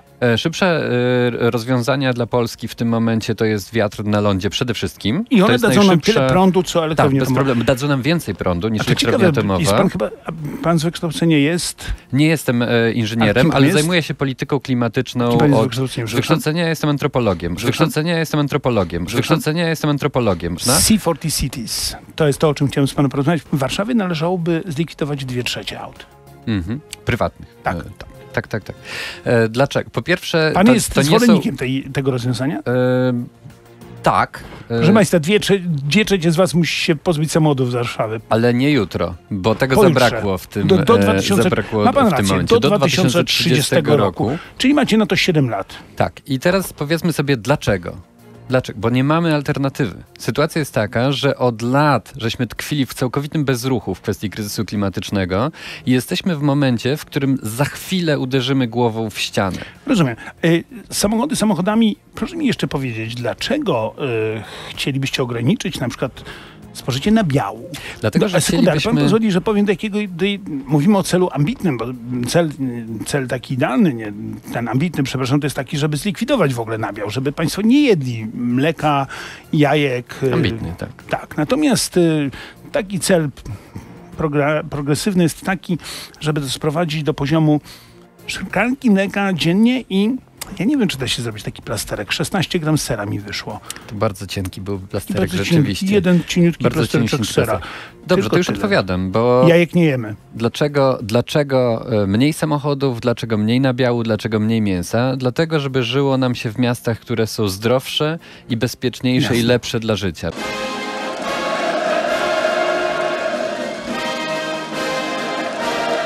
Będziecie żyli w miastach, które będą bezpieczniejsze, tak jak powiedziałem. Nie będziemy ginąć w wypadkach drogowych. Będziemy mieli mniej chorób e, układu krążenia.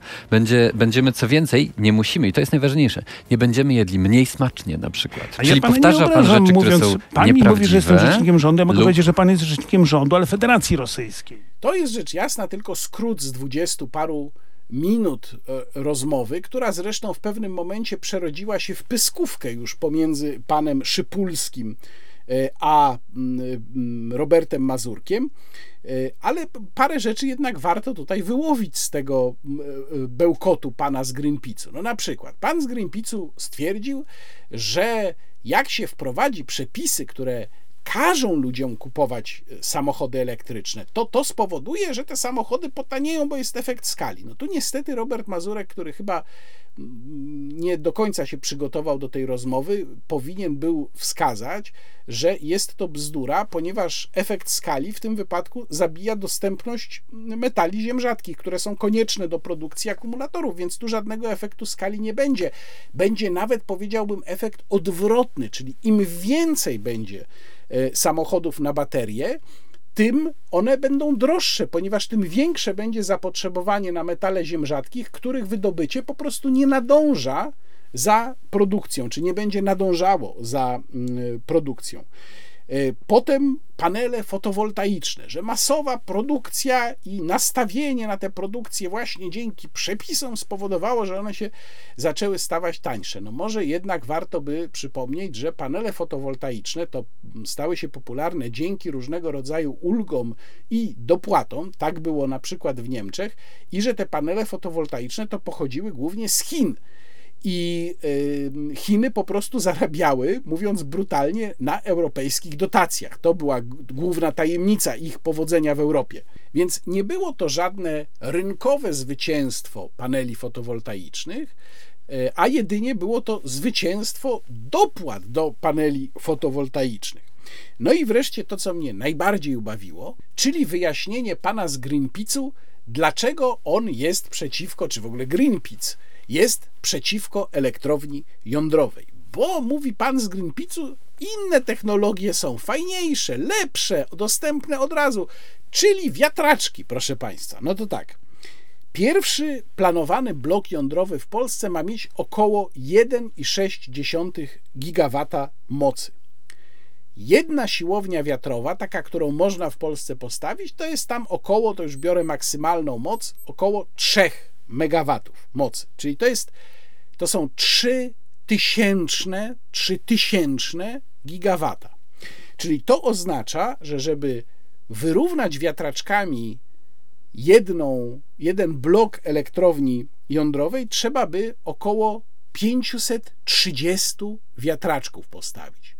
To teraz, jak weźmiemy ustawę odległościową z tą odległością 500 metrów, bo jeszcze no, tutaj nie wiadomo, jaka ona będzie, ale powiedzmy 500 metrów, to trzeba by wiatrakami, jeżeli dobrze liczę, jeżeli źle liczę, to proszę mnie w komentarzu poprawić, to trzeba by wiatrakami obstawić obszar równy administracyjnemu obszarowi całej Warszawy.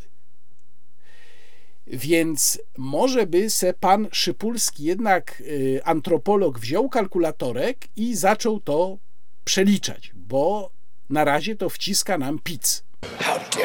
I wreszcie to, co jest bardzo charakterystyczne dla zielonej komuny. Pan Szypulski mówi, tłumaczy tam, dlaczego mamy przestać jeździć samochodami i przestać jeść nabiał. Ano dlatego, że to będzie oznaczało lepsze życie. Nie będzie wypadków samochodowych, będziemy zdrowsi.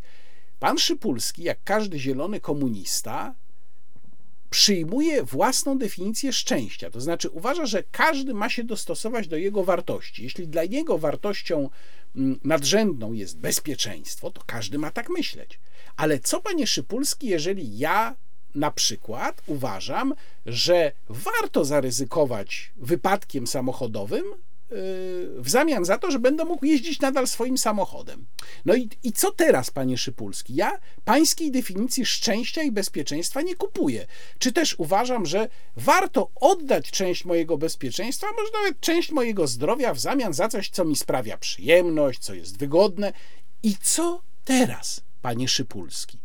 No, pan Szypulski y, gdzieś tam między wierszami, niestety znów, no Robert Mazurek poszedł w, tam w przekomarzanie się o tym, kto im płaci, zamiast go dopytać o to. Pan Szypulski między wierszami mówi to, co mówi wielu zielonych komunistów. Czyli jak wam się nie podoba i nie będziecie po dobroci robić tego, co my uważamy, to my was do tego zmusimy. No to jest po prostu normalna komuna. Oni doskonale wiedzą, że ludzie się nie będą chcieli temu podporządkowywać. Więc zaczynają mówić również o tym, i szkoda, że Robert Mazurek tutaj pana Szypulskiego nie docisnął, że jak demokracja nie da odpowiednich efektów, to może trzeba ograniczyć demokrację. Była też w tej rozmowie mowa o raporcie e, klubu C40. Ja już tutaj nie będę się na ten temat rozwodził Napisałem na ten temat dłuższy tekst w, na portalu do rzeczy, do którego linkuję, tak jak zresztą do innych tekstów, o których tutaj mówię. W tym tekście na portalu do rzeczy zawarłem też link do raportu, bo właściwie jest tak, że wszyscy o tym raporcie mówią, a mało kto go przeczytał. Raport jest długi, ma tam chyba pod 70 stron przedstawia rzeczywiście te zalecenia, o których jest mowa w e, sekcji poświęconej właśnie mm, wnioskom, zaleceniom. Ciekawa rzecz jest taka, że przecież tutaj jest mowa tylko o miastach, o kilkudziesięciu największych miastach świata. Nawiasem mówiąc, członkami tego C40 nie są miasta, tylko są burmistrzowie, prezydenci miast. Także gdyby y, prezydenta Trzaskowskiego zmienił ktoś inny, na tej funkcji, no to wtedy już Warszawa nie będzie członkiem tego klubu. Jeżeli ten ktoś oczywiście nie, też nie wstąpi do, do klubu C40. Otóż ja się zastanawiam, na jakiej zasadzie autorzy tego raportu, wśród których jest tylko czworo, nawiasem mówiąc, naukowców z Uniwersytetu Leeds, jeżeli w ogóle można ich nazwać naukowcami, a nie ideologami, natomiast cała reszta czyli tam dobrze ponad 20 osób, to są albo osoby z samego C40, albo z takiej organizacji y, siostrzanej dla C40. Wszystko to dokładnie opisuje w swoim tekście. Otóż na jakiej zasadzie oni uważają, że gdyby wprowadzić te ograniczenia, które mogą wprowadzić miasta, no bo miasta przecież nie mogą nam zabronić na przykład latać, to by musiała być decyzja na poziomie państw albo nawet ponadnarodowym. Otóż gdyby te ograniczenia wprowadzić w tych kilkudziesięciu miastach świata, to jaki by to miało wpływ na klimat? No przecież żaden. To jest zupełnie oczywiste. Nawet gdyby tam się wszyscy zawzięli, odstawili nabiał natychmiast, mięso odstawili, wszyscy odstawili samochody w tych kilkudziesięciu miastach, to przecież wpływ tego wszystkiego na klimat byłby zerowy. No, ewentualnie mierzony w promilach. Więc po co? No, moim zdaniem po to, że to jest jednak ideologia, która ma wychowywać, ma przyzwyczajać do pewnych zachowań. I w tym sensie argumentuje w swoim tekście, Rafał Trzaskowski się pod tym podpisuje, bo jednak to ta organizacja, której on jest członkiem, zamówiła ten raport. To ona za niego zapłaciła. To jej pracownicy podpisali się pod tym raportem, więc chociaż są to tylko zalecenia, można powiedzieć, ha, taka zabawa intelektualna, no ale jednak jest to oficjalny raport tej organizacji, której członkiem jest Rafał Trzaskowski. Ukraina musi wygrać, a Rosja musi przegrać. Jeszcze jedna zabawna rzecz. Myślałem, że będę mógł Państwu tutaj podlinkować kalkulator śladu węglowego banku BNP Paribas. Ale nie mogę tego zrobić, dlatego że BNP, BNP Paribas już ten kalkulator ze swojej strony usunął. A to jest taki bank bardzo zielony, który tam się chwali, że tu środowisko, dbamy, klimat, srymat i tak dalej. A ten kalkulator, który pozwalał wyliczyć swój ślad węglowy, zniknął z ich strony i mam takie nieśmiałe podejrzenie. Nie wiem, czy sobie nie przypisuję zbyt dużej sprawczości, ale mam takie nieśmiałe podejrzenie, że mógł to być efekt moich tweetów, w których właśnie zarekomendowałem skorzystanie z tego kalkulatora i poinformowałem, jakie bzdury tam wychodzą i wiem, że dużo osób potem chciało sobie z niego skorzystać i może dlatego właśnie on zniknął ze strony banku.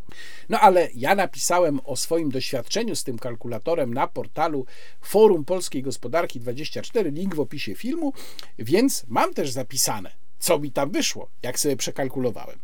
Więc najpierw policzyłem sobie, a bo jeszcze muszę wyjaśnić, że kalkulator wyliczał, jaki e, procent średniej polskiej, europejskiej i światowej się emituje mm, e, CO2, a także ile e, razy trzeba by, musiałaby zostać powielona planeta Ziemia, gdyby wszyscy się zachowywali tak jak ten, kto rozwiązuje test, to ile tych ziem byłoby potrzebnych, żebyśmy przeżyli, przetrwali.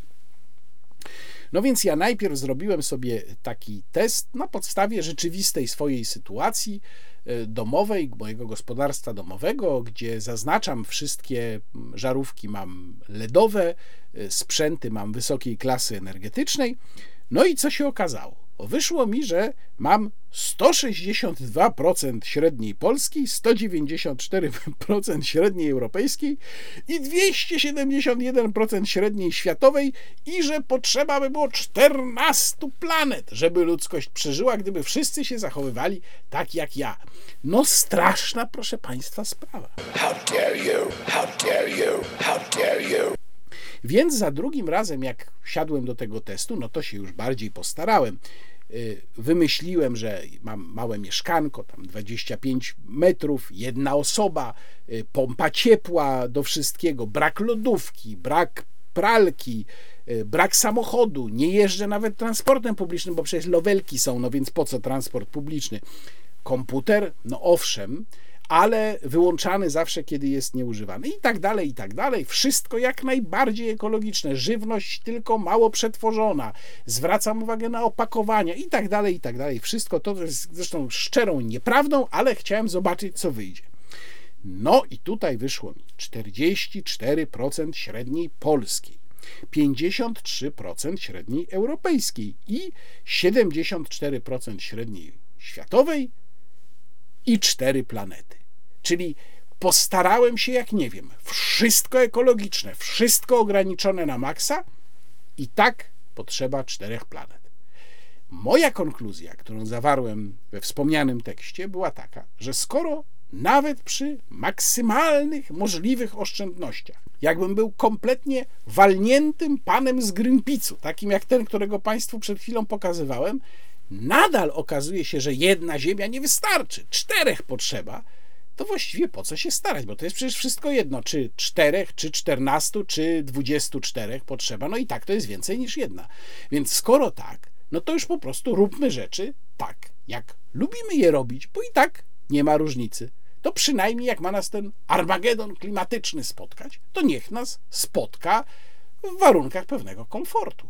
Ale co to tak naprawdę oznacza? Jaki jest cel takich zabaw, o których osiołek Porfirion w jednym z przedstawień teatrzyku Zielona Gęś Konstantego Ildefonsa Gałczyńskiego pięknie powiedział: Oto sposób, moi złoci, w jaki bawią się idioci.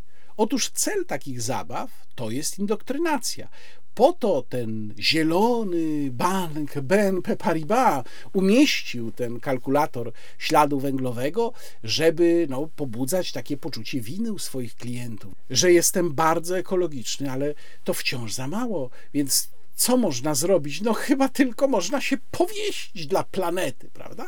I taki zresztą gdzieś tam znów między wierszami jest cel tego wszystkiego. To znaczy, ludzi jest za dużo. Trzeba ograniczyć liczbę ludzi na Ziemi. Serdecznie pozdrawiam i serdecznie odradzam korzystanie z usług banku BNP Paribas. Ukraina musi wygrać, a Rosja musi przegrać. Teraz coś jeszcze z innej dziedziny, z polityki krajowej, już ściśle krajowej.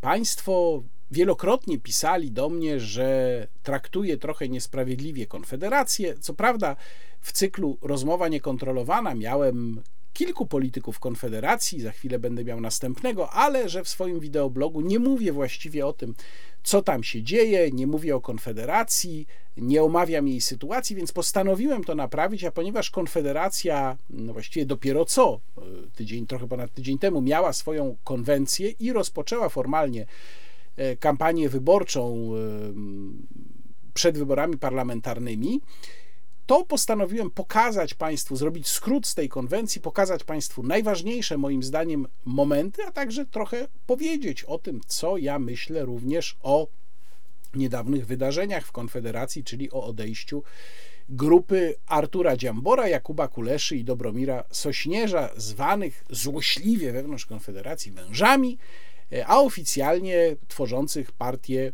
wolnościowcy.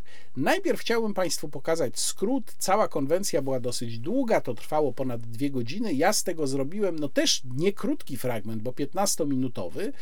Natomiast y, jak zwykle polecam Państwu ten fragment. Mimo wszystko można go przyspieszyć, bo nie tylko chodzi o to, żeby wyłowić wypowiedzi, które są moim zdaniem szczególnie istotne albo w jakiś sposób treściwe, ale też o to, żeby trochę oddać atmosferę i sposób myślenia przywódców, którzy podczas tej konwencji się wypowiadali. Oczywiście, jeżeli Państwo nie chcą tego słuchać, to proszę przeskoczyć do następnego rozdziału. Specjalnie tam zaznaczyłem, żeby łatwo było przeskoczyć tę ten skrót, ale namawiam mimo wszystko do posłuchania przed Państwem Sławomir Mencen i Krzysztof Bosak. Polski rząd postanowił w tym momencie, kiedy niepewność była w kulminacyjnym poziomie, kiedy żaden przedsiębiorca nie wiedział na czym stoi i jak będzie wyglądała jego najbliższa przyszłość, postanowił nam uruchomić największą w historii komplikację naszego prawa podatkowego, nazwaną dla śmiechu Nowym Ładem.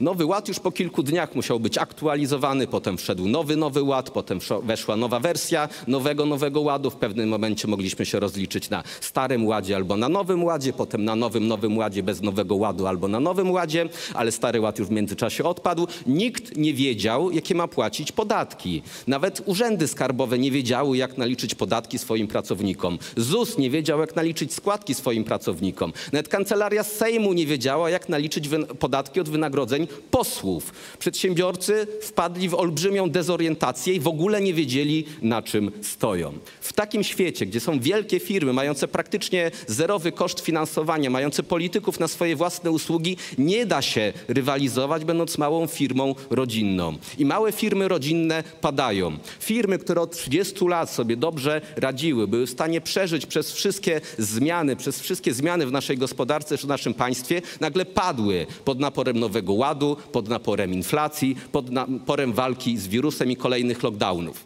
Do tego dochodzi trwająca na całym świecie niestety walka z gotówką. Kolejne rządy coraz bardziej ograniczają możliwość płacenia gotówką. Chcą wszyscy, żebyśmy płacili tylko kartą albo przelewem. Chcą wiedzieć, na co wydajemy swoje pieniądze, ile mamy swoich pieniędzy, komu, ile i za co płacimy. Następnie będą z tej wiedzy oczywiście wyciągać konsekwencje. Będą nas karać, jeżeli płacimy za coś, co oni nie chcieliby, żebyśmy płacili, jeżeli kupujemy rzeczy, które im się w ogóle nie podobają. Dochodzi do tego walka z emisjami dwutlenku węgla, której pierwszą ofiarą padają samochody. Równocześnie, o czym jeszcze mało kto wie, ta sama polityka jest wdrażana do naszych domów. Już niedługo wszystkie nowe mieszkania, wszystkie nowe domy, bloki będą musiały być zeroemisyjne, w wyniku czego będą znacznie droższe. Jeżeli ktoś teraz mówi, że mieszkania są drogie, że nie stać go na to, żeby kupić mieszkanie dla swojej rodziny, to za parę lat w wyniku tej polityki Unii Europejskiej będzie tylko drożej. Jeszcze mniej ludzi będzie stać na swoje własne mieszkanie. Ja nie wiem, jakie miałyby być skutki tego podniesienia się temperatury o dwa stopnie, żeby były one gorsze od tej niewoli i od tego totalitaryzmu, który oni nam szykują.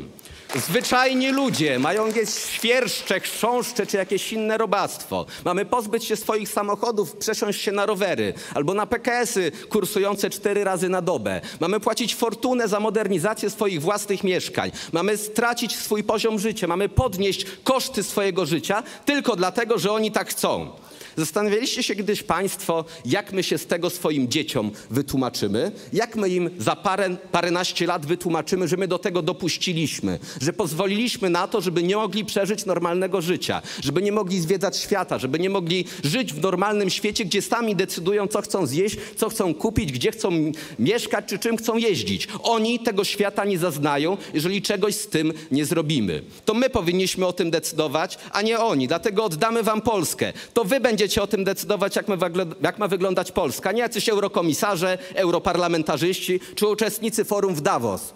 Dobrobyt bierze się z pracy, z przedsiębiorczości, z oszczędności, z pracowitości, a nie z zasiłków, nie z długu, nie z drukowania pieniądza. Dlatego uprościmy i obniżymy podatki, tak żeby wreszcie opłacało się pracować, żeby wreszcie opłacało się zakładać firmy. Usuniemy te wszystkie zbędne regulacje, zmniejszymy liczbę urzędników. Z każdego urzędu w Polsce wywalimy wszystkie pieczątki. Już żaden urzędnik więcej nie będzie chciał od was nigdy żadnej pieczątki. Prawo ma być pisane tak, żeby było przyjazne i korzystne dla Polaków, a nie dla wielkich międzynarodowych korporacji. Policja ze Strażą Miejską nie będą więcej goniły po bazarze jakiejś starowinki, która będzie próbowała dorobić sobie do emerytury. Zajmą się prawdziwymi złodziejami i oszustami, a nie uczciwymi ludźmi, którzy chcą po prostu sobie dorobić. Państwo ma pomagać i chronić uczciwych i być bardzo surowe dla chcących żyć na czyjś koszt oszustów i złodziei. Uczciwy Polak będzie miał pieniądze na to, jeżeli będzie pracował żeby kupić sobie dom, dwa samochody, polecieć na wakacje, gdzie tylko będzie chciał. Będzie mógł kupić tyle mięsa i zjeść, ile będzie chciał. Będzie mógł mieć tyle ubrań, ile tylko będzie chciał. Ale ja nie obiecuję, że ja coś wam dam. Wręcz przeciwnie, obiecuję, że nic wam nie dam. Za to stworzymy takie warunki, w których sami sobie zarobicie na wszystko, na co tylko będziecie chcieli. Idziemy w tej kampanii po dwucyfrowy wynik. Idziemy po to, żeby wprowadzić dziesiątki posłów. Nie idziemy do tych wyborów po to, żeby usiąść przy jednym stoliku z PiSem, z Platformą czy z PSL-em. Idziemy do wyborów po to, żeby przewrócić im ten stolik. I my im ten stolik przewrócimy! To Konfederacja jest nogą wstawioną między drzwi tego układu, który miał się domknąć. W tej walce potrzebujemy przywództwa. Potrzebujemy przywództwa. Mamy już sztab wyborczy. Rada Liderów wyłoniła sztab. Na jego czele stoi prezes Robert Winnicki.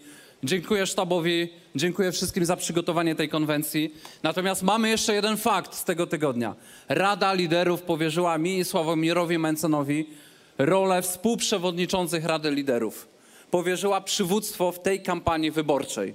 To jest wielka odpowiedzialność tą odpowiedzialność traktujemy jako zaszczyt, jako wyróżnienie. Tą odpowiedzialność bierzemy na siebie i zrobimy wszystko. Zrobimy 150% tego, do czego jesteśmy zdolni, żebyśmy odnieśli sukces tej kampanii wyborczej, żeby to był wynik kilkunastoprocentowy, żebyśmy w kolejnym Sejmie mieli klub, żebyśmy byli zdumni z tego, w jakim stylu prowadzimy polemikę polityczną, a nie byli zażenowani jak działacze i wyborcy wszystkich innych partii.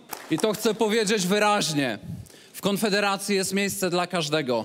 Dla każdego, kto chce pracować, kto chce grać drużynowo, kto chce odnosić sukces, nie indywidualny, ale kto chce pracować na wspólny szyld, w który wszyscy zainwestowaliśmy. Nie chcę tutaj popadać w przesadny patos, ale idee mają konsekwencje, a wartości są fundamentem, na którym buduje się każdy porządek społeczny. Nasi przeciwnicy udają, że nie ale tak naprawdę przedstawiają swój nowy kanon wartości, które my mamy wyznawać i nazywają to tolerancją. Prawda, dobro, piękno, wolność, własność, sprawiedliwość nie obronią się same. One potrzebują nas. One potrzebują Was, ci, którzy jesteście z nami przez internet. Zachód, który Polacy wybrali, który można chyba uczciwie powiedzieć, który pokochali, którym się zafascynowali, ten Zachód powoli znika tym poczuciem, do którego niestety już się często przyzwyczailiśmy, jest takie codzienne, smutne, monotonne poczucie zmęczenia i zażenowania tym, jak wygląda polska klasa polityczna, jak wygląda polski Sejm, jak wygląda polska debata, jak wygląda polska administracja i polskie państwo. To trzeba zmienić. I my wierzymy, że to jest możliwe. Dlatego mówimy wprost, czego chcemy. I nie są to hasła radykalne, nie są to hasła skrajne. Zwracam się do dziennikarzy, którzy są tu pomiędzy nami na tej sali. Chcemy profesjonalizmu, chcemy rozsądku, chcemy umiaru, Chcemy skuteczności, chcemy przewidywalności, chcemy nowoczesności. Odrzucamy złodziejstwo rządów Platformy. Odrzucamy tą arogancję, poczucie wyższości, tą bezczelność. Ale odrzucamy też ten paździerzowy etatyzm rządu PiS, ten populizm socjalny, tą arogancję, tą bezczelność w innej odsłonie, tą próbę kupienia Polaków za ich własne pieniądze. Nie chcemy tego. Nie chcemy waszej korupcji politycznej. Odrzucamy to całe dziadostwo, kolesiostwo, niekompetencje i wstyd, który nam przynosicie. Przeprowadziliśmy badania opinii publicznej, pogłębione w ostatnich dniach i wiecie, co z nich wyszło? Wyszło, że nasi wyborcy są różni. Na różne sprawy mają sprzeczne poglądy. Czy to jest dla nas problem? Absolutnie. Naszym programem nie jest dopasowanie wszystkich do jakiegokolwiek jednakowego wzorca. Naszym programem nie jest podporządkowanie wszystkiego jednej centrali partyjnej. Naszym programem nie jest realizacja żadnej utopijnej ideologii. I to nie znaczy, że nie mamy przekonań. Mamy, ale do swoich przekonań my chcemy przekonywać. A przekonywanie jest możliwe tylko wtedy, kiedy jest wolność, kiedy jest swoboda debaty, kiedy ludzie mogą wybierać, w co wierzą i jak żyją. Dlatego mówiąc oddamy wam Polskę, mówimy oddamy wam media zawłaszczone przez partię rządzącą.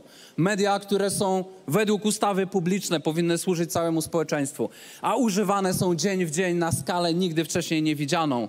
Może poza wspomnianą tu wcześniej Koreą Północną czy PRL-em, do manipulowania narodem, do skłócania Polaków. Oddamy wam media pozornie niezależne, a kupione za wasze pieniądze ze spółek Skarbu Państwa, z podatków. Oddamy wam swobodę wypowiedzi zabieraną przez zagraniczne podmioty, wbrew polskiej konstytucji, wbrew polskiemu prawu. Oddamy wam Polskę, to znaczy oddamy wam szkoły. Przeciwny kierunek niż próbuje realizować minister Czarnek. Poprzez bon edukacyjny oddamy wpływ na edukację waszych dzieci. Poprzez uruchomienie kontroli obywateli nad przepływem pieniądza damy wpływ na to, czego i jak dzieci są uczone. Oddamy wam Polskę, to znaczy oddamy wam środki na zdrowie. Mamy na sali lekarzy, mamy w swoich strukturach lekarzy, którzy chcą leczyć, a nie bawić się w politykę z NFZ-em. Poprzez bon zdrowotny oddamy wam wpływ na to, kto i za ile was leczy. Chcemy funduszy i szpitali, które konkurują o pacjenta. Hasło oddamy wam Polskę to także kwestia praworządności, w której mamy coś swojego do powiedzenia i nie jesteśmy ani z tymi, ani z tamtymi, których media eksponują. Jako jedyni w sporze o sądy pokazaliśmy alternatywę, jak wyjść z tego pata. Przedstawiliśmy projekt ustawy, konkretne rozwiązania. Niech sędziowie przestaną sądzić sędziów. Oddajmy to obywatelom. Zaproponowaliśmy, żeby sądownictwo dyscyplinarne powierzyć ławnikom.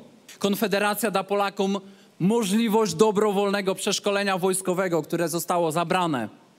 Konfederacja da Polakom dobre prawo do posługiwania się bronią.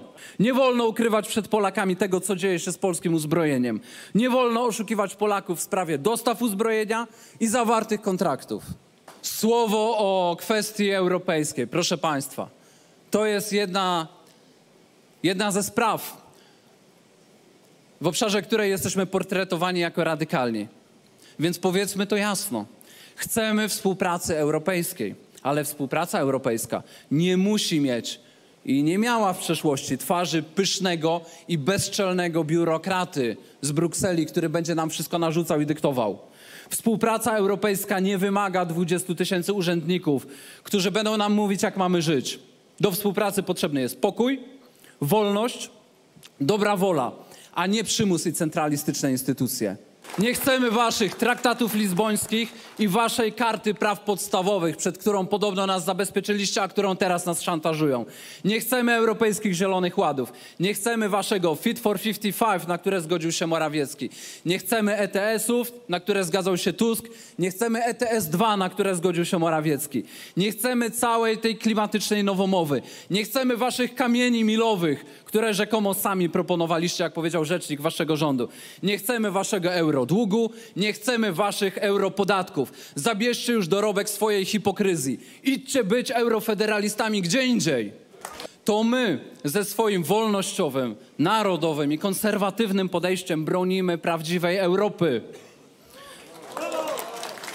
Nigdy nie damy sobie wmówić, że Europa to realizacja utopijnych wizji eurokomunistów z jakichś manifestów, a nie tysiące lat doświadczeń, tradycji, europejskich kultur, państw i narodów. Nie pozwolimy na eurofederalizm. Już ruszyły przygotowania do nowego traktatu.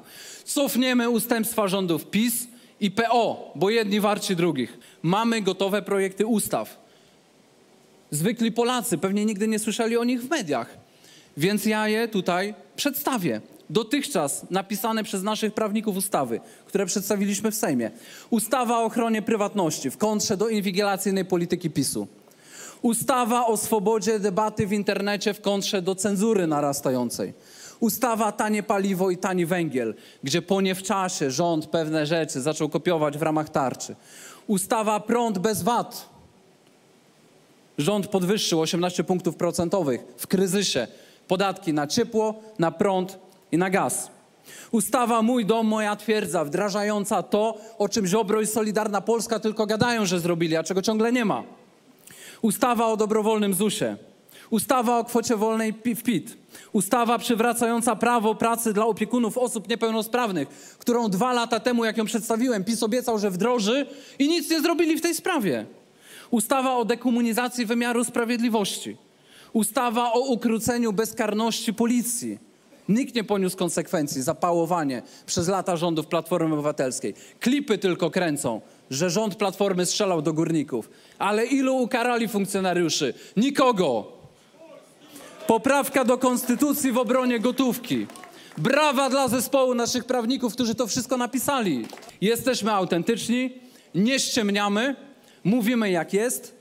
Tam, gdzie wszyscy idą w mitologię polityczną, w populizm socjalny, tam my podajemy trudną, ale prawdziwą czerwoną pigułkę. Mówimy jak jest. Pierwsza sprawa, którą warto zauważyć, to wystawienie na czoło właśnie panów Mencena i Bosaka, co zdaje się było pomysłem szefa sztabu, czyli pana posła um, Winnickiego. E, I to jest chyba dobry zabieg. E, Sławomir Mencen ma dużą popularność internetową, przede wszystkim internetową. To jest jeszcze pytanie, jak on się sprawdzi w takich spotkaniach wyborczych. Natomiast jego spotkania na żywo z ludźmi, czyli piwo z Mencenem, pokazuje, że potrafi się jednak e, również w tych okolicznościach odnaleźć. Krzysztof Bosak bardzo sprawny medialnie, z dużym medialnym doświadczeniem. Myślę, że to wystąpienie tutaj też było bardzo sprawne, więc zrobienie z tych dwóch panów frontmenów w tej kampanii wydaje mi się dobrym pomysłem. To pokazuje zresztą dwie nogi, na których się ma opierać Konfederacja w tej kampanii. Już samo w sobie to jest ciekawe, czyli ta jedna noga liberalna, reprezentowana przez Sławomira Mencena, druga noga bardziej narodowa, y, reprezentowana przez Krzysztofa Bosaka, ale proszę zwrócić uwagę, że akcenty liberalne w jego wystąpieniu również były bardzo mocno obecne. Y, jeśli spojrzeć na to, jakimi problemami się zajmowali w tych swoich wystąpieniach obaj politycy, no, Sławomir Mencen mówił o sprawie walki z gotówką, o celach klimatycznych, ciekawe było to w jego wystąpieniu, że on niejako odwrócił wektory, bo bardzo często jest tak, że klimatyści mówią: e, zróbmy to dla naszych dzieci. Natomiast Sławomir Mencen e, odwrócił to i powiedział właśnie: dla naszych dzieci zapobieżmy temu, co chcą na nas wymusić klimatyści. E, z kolei Krzysztof Bosak, którego wystąpienie chyba było bardziej wypełnione treścią, mówił o przywództwie w kampanii wyborczej, mówił o tym, że w Konfederacji jest miejsce dla każdego, kto chce pracować na wspólny szyld. No to ewidentnie moim zdaniem była złośliwa aluzja do wolnościowców. Bardzo celne było jego spostrzeżenie o Zachodzie, do którego Polacy chcieli dołączyć, ale który już odchodzi w przeszłość i o tym, że właśnie tę prawdziwą ideę zachodnią reprezentuje Konfederacja. Również warto było zwrócić uwagę na to, jak Krzysztof Bosak y, powtórzył dwukrotnie kwestię tego, że my nie jesteśmy radykałami. Nawet zwracając się raz wprost do dziennikarzy, to powiedział, że my nie jesteśmy radykałami. To też pokazuje, jak prawdopodobnie będzie wyglądała mm, kampania Konfederacji, próba odcinania się od wizerunku partii radykalnej, czyli przejścia jakby trochę o poziom wyżej, na, na poziom e, partii, owszem, o wyrazistych poglądach, ale takiej e, no jednak w pełni cywilizowanej. Ja teraz mówię nie o tym, jak rzeczywiście jest z Konfederacją, tylko mówię o tym, jakie wrażenie co do wizerunku Konfederacji mogą mieć niektóre e, osoby. Mocno podkreślane było zdystansowanie wobec dwóch głównych obozów, co jest moim zdaniem atutem Konfederacji. Była mowa o gotowych ustawach, to również jest pewien atut Konfederacji, czyli to, że oni już tę ustawę przygotowywali. Oczywiście ustawy, projekty ustaw nie przechodziły, to jest zupełnie jasne. Bardzo mm, jednoznaczne było w tych wystąpieniach przesłanie wolnorynkowe i chyba też ważne jest, żeby zwrócić uwagę na to, czego tam nie było. A mianowicie nie było tam ani słowa na temat wojny na Ukrainie. I to było bardzo charakterystyczne. Zmarginalizowanie Grzegorza Brauna, nieobecność w mediach i, jako frontmana Janusza Korwin-Mikkego, chociaż zdaje się, że na konwencji był, e, i ani słowa na temat Ukrainy, Rosji. I to też pokazuje, jakie będą priorytety Konfederacji kampanii, chociaż myślę, że akurat temat ukraiński się w którymś momencie pojawi również dlatego, że Konfederacja jest jedyną partią, która jest w stanie skorzystać na e, odwróceniu się czy korekcie nastrojów o tym też mówiłem już w poprzednim wideoblogu. Sondaże wskazują, że nastroje się zmieniają wokół mm, polskiego kursu wobec wojny na Ukrainie. Konfederacja byłaby niemądra, gdyby na tym nie skorzystała, ale nie w taki sposób, jak to się działo wcześniej. Tutaj widać, że jest plan mm, no, pewnego przytemperowania tego e, przekazu. Choć nie wierzę w to, żeby ten temat mógł zupełnie zniknąć z kampanii Konfederacji. E, natomiast to, czego nie było w tych wystąpieniach, e, no, tradycyjnie można powiedzieć, nie było konkretów, znaczy nie było jakichś sposobów rozwiązań. Powiedzmy, że można poczekać, że one się tam pojawią. Poza tym Krzysztof Bosak, jak już powiedziałem, odwoływał się do e, gotowych projektów ustaw. Natomiast w dwóch sprawach, czy właściwie w jednej sprawie podzielonej na dwa, nie było rzeczywiście wyraźnej wypowiedzi, i to jest moim zdaniem problem, który na pewno będzie się pojawiał również w debatach, w których będą brali udział um, politycy Konfederacji. Stanowisko wobec obecności Polski w Unii Europejskiej. Żaden z tych dwóch występujących polityków Konfederacji nie powiedział, jakie ono jest. Była mowa tylko o tym, że no Polska ma bronić swojej suwerenności i Krzysztof Bosak, to jest druga część tego problemu, powiedział, cofniemy ustępstwa rządów PiS. Ale jak? No to nie jest przecież tak, że można to zrobić na pstryknięcie. To są dokumenty, które już zostały popodpisywane przez obecny rząd. Więc nawet zakładając, że Konfederacja, co jest mało prawdopodobne moim zdaniem, będzie miała wpływ na władzę po wyborach, no to jest pytanie, jak to zrobić? W jaki sposób można cofnąć te ustępstwa? Tutaj zabrakło mi zdecydowanie konkretu i mam wrażenie, że to jest próba omijania tematu, bo jednak no, politycy Konfederacji wiedzą przecież świetnie, jaki jest stosunek Polaków do Unii Europejskiej, że on cały czas jest dosyć entuzjastyczny, choć być może będzie się to zmieniać. Mm, sami mieli kiedyś dosyć wyraźnie zaznaczony punkt w swoim programie y, po prostu wyjścia z Unii Europejskiej, a przynajmniej uwzględnienia tego scenariusza. Teraz mam wrażenie, że obaj tego unikali, unikali tego tematu, oprócz tematu ukraińskiego, unikali tego tematu w swoich wystąpieniach. No ale to jest dopiero początek kampanii. Zobaczymy, co będzie się działo dalej. I teraz dwa słowa o odejściu wolnościowców. Ja na początku, kiedy to się wydarzyło, przyjąłem taką optykę, że wyborcy w Polsce właściwie, nie tylko w Polsce, zresztą właściwie zawsze każą za y, rozpad, za rozejście się, a premiują za zejście się i za zjednoczenie. I w związku z tym uważałem, że Konfederacja dostanie po głowie za to, że panowie nie byli w stanie się dogadać. Ale teraz powiem szczerze, że ch chyba jestem gotów przyjąć, że się myliłem, to znaczy, że Konfederacja wyjdzie z tego jednak obronną ręką.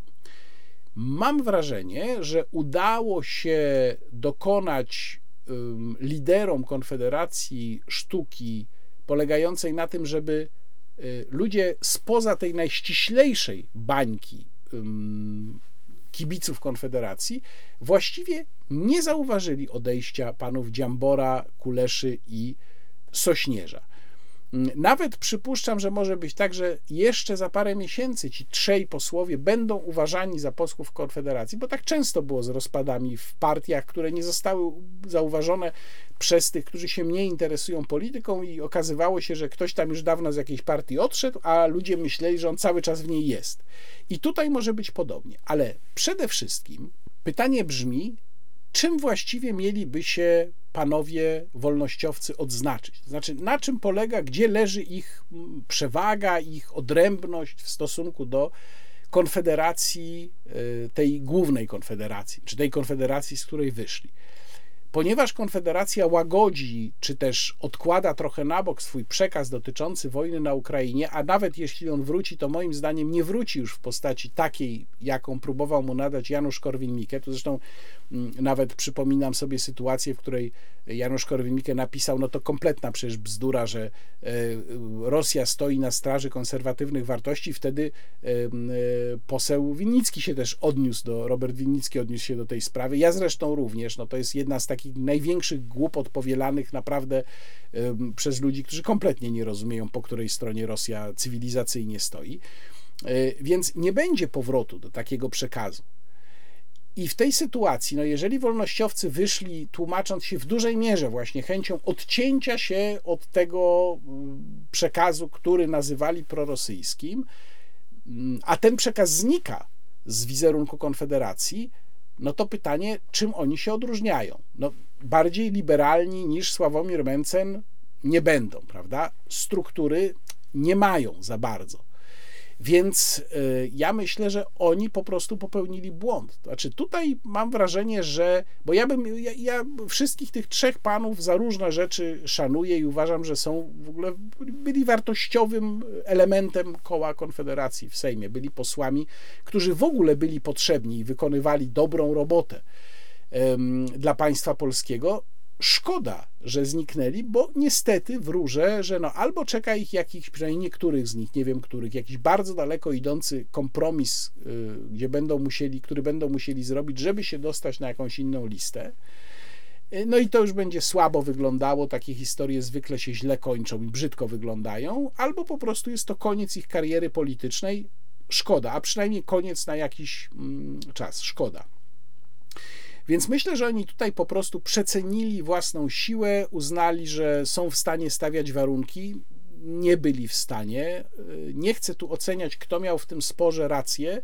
Niedobrze to wygląda, że był to spór personalny, a nie spór o ideę, znaczy spór po prostu o, o personalny w tym sensie, że o miejsca na listach, a nie spór o ideę, bo y, jedyna rzecz, która tam była ideowa, no to właśnie kwestia Ukrainy, która już stała się w zasadzie nieaktualna. Więc y, dzisiaj bym oceniał, że Konfederacja wychodzi z tej sprawy obronną ręką. Wolnościowcy wychodzą niestety nie z tarczą, ale na tarczy. Oczywiście, jak to w polskiej polityce bywa, mogę się mylić, jak będzie, zobaczymy. Ukraina musi wygrać, a Rosja musi przegrać. No i teraz pora na dział kulturalny, a właściwie kulturalno-krajoznawczy, bo mam dla Państwa parę rzeczy z Białego Stoku, gdzie byłem w ostatni weekend. Najpierw powiem o czymś, ja raczej tutaj na ogół muzea i miejsca rekomenduję, no ale czasem muszę też skrytykować. I tu może się Państwo zdziwią, bo będzie pewien element krytyki w mojej opowieści o tak zwanym podlaskim czy polskim Wersalu, czyli pięknym pałacu Branickich w Białym Stoku, który jest można powiedzieć, centralnym, głównym, najbardziej rozpoznawalnym punktem miasta. Ten pałac jest zbudowany na bazie jeszcze XVI-wiecznego zamku, y, o którym chyba niewiele wiadomo, no na podstawie wykopalisk do pewnych elementów tego zamku dawnego się dokopano, który należał wtedy do rodziny Wiesiołowskich. Potem zamek przeszedł na własność Stefana Czarnieckiego, został mu przekazany za jego zasługi wojenne, a potem poprzez córkę y, Stefana Czarnieckiego do rodu Branickich. No i oczywiście największa rozbudowa miała miejsce w XVIII wieku, kiedy mm, właścicielem zamku był Jan Klemens Branicki i jego żona Izabela de Domo Poniatowska. Wtedy zamek uzyskał pałac, pałac, nie zamek, uzyskał taką postać, jaką widzimy e, mniej więcej dzisiaj. Po traktacie w Tylży pałac stał się własnością e, cara Aleksandra I, a w XIX wieku, już przez dużą część XIX wieku, nie pełnił funkcji pałacowej, tylko pełnił funkcję budynku użyteczności publicznej, co zresztą spowodowało, że stopniowo był coraz bardziej ogałacany ze swoich ozdób, ze swoich e, elementów. Ogród, który otaczał pałac, również był z tych elementów ogałacany. Ale mimo wszystko sam budynek przerwa, przetrwał bez większych zniszczeń I wojnę światową i prawie całą II wojnę światową, aż do pożaru wywołanego bombardowaniem w 1944 roku, kiedy to niemal całkowicie spłonął. I potem został odbudowany w latach 50. XX wieku i właściwie od razu po tej odbudowie został przekazany Akademii Medycznej w Białymstoku. Dziś to się nazywa Uniwersytet Medyczny. Wszystkie akademie medyczne parę lat temu zmieniły nazwy na uniwersytety, na uniwersytety medyczne.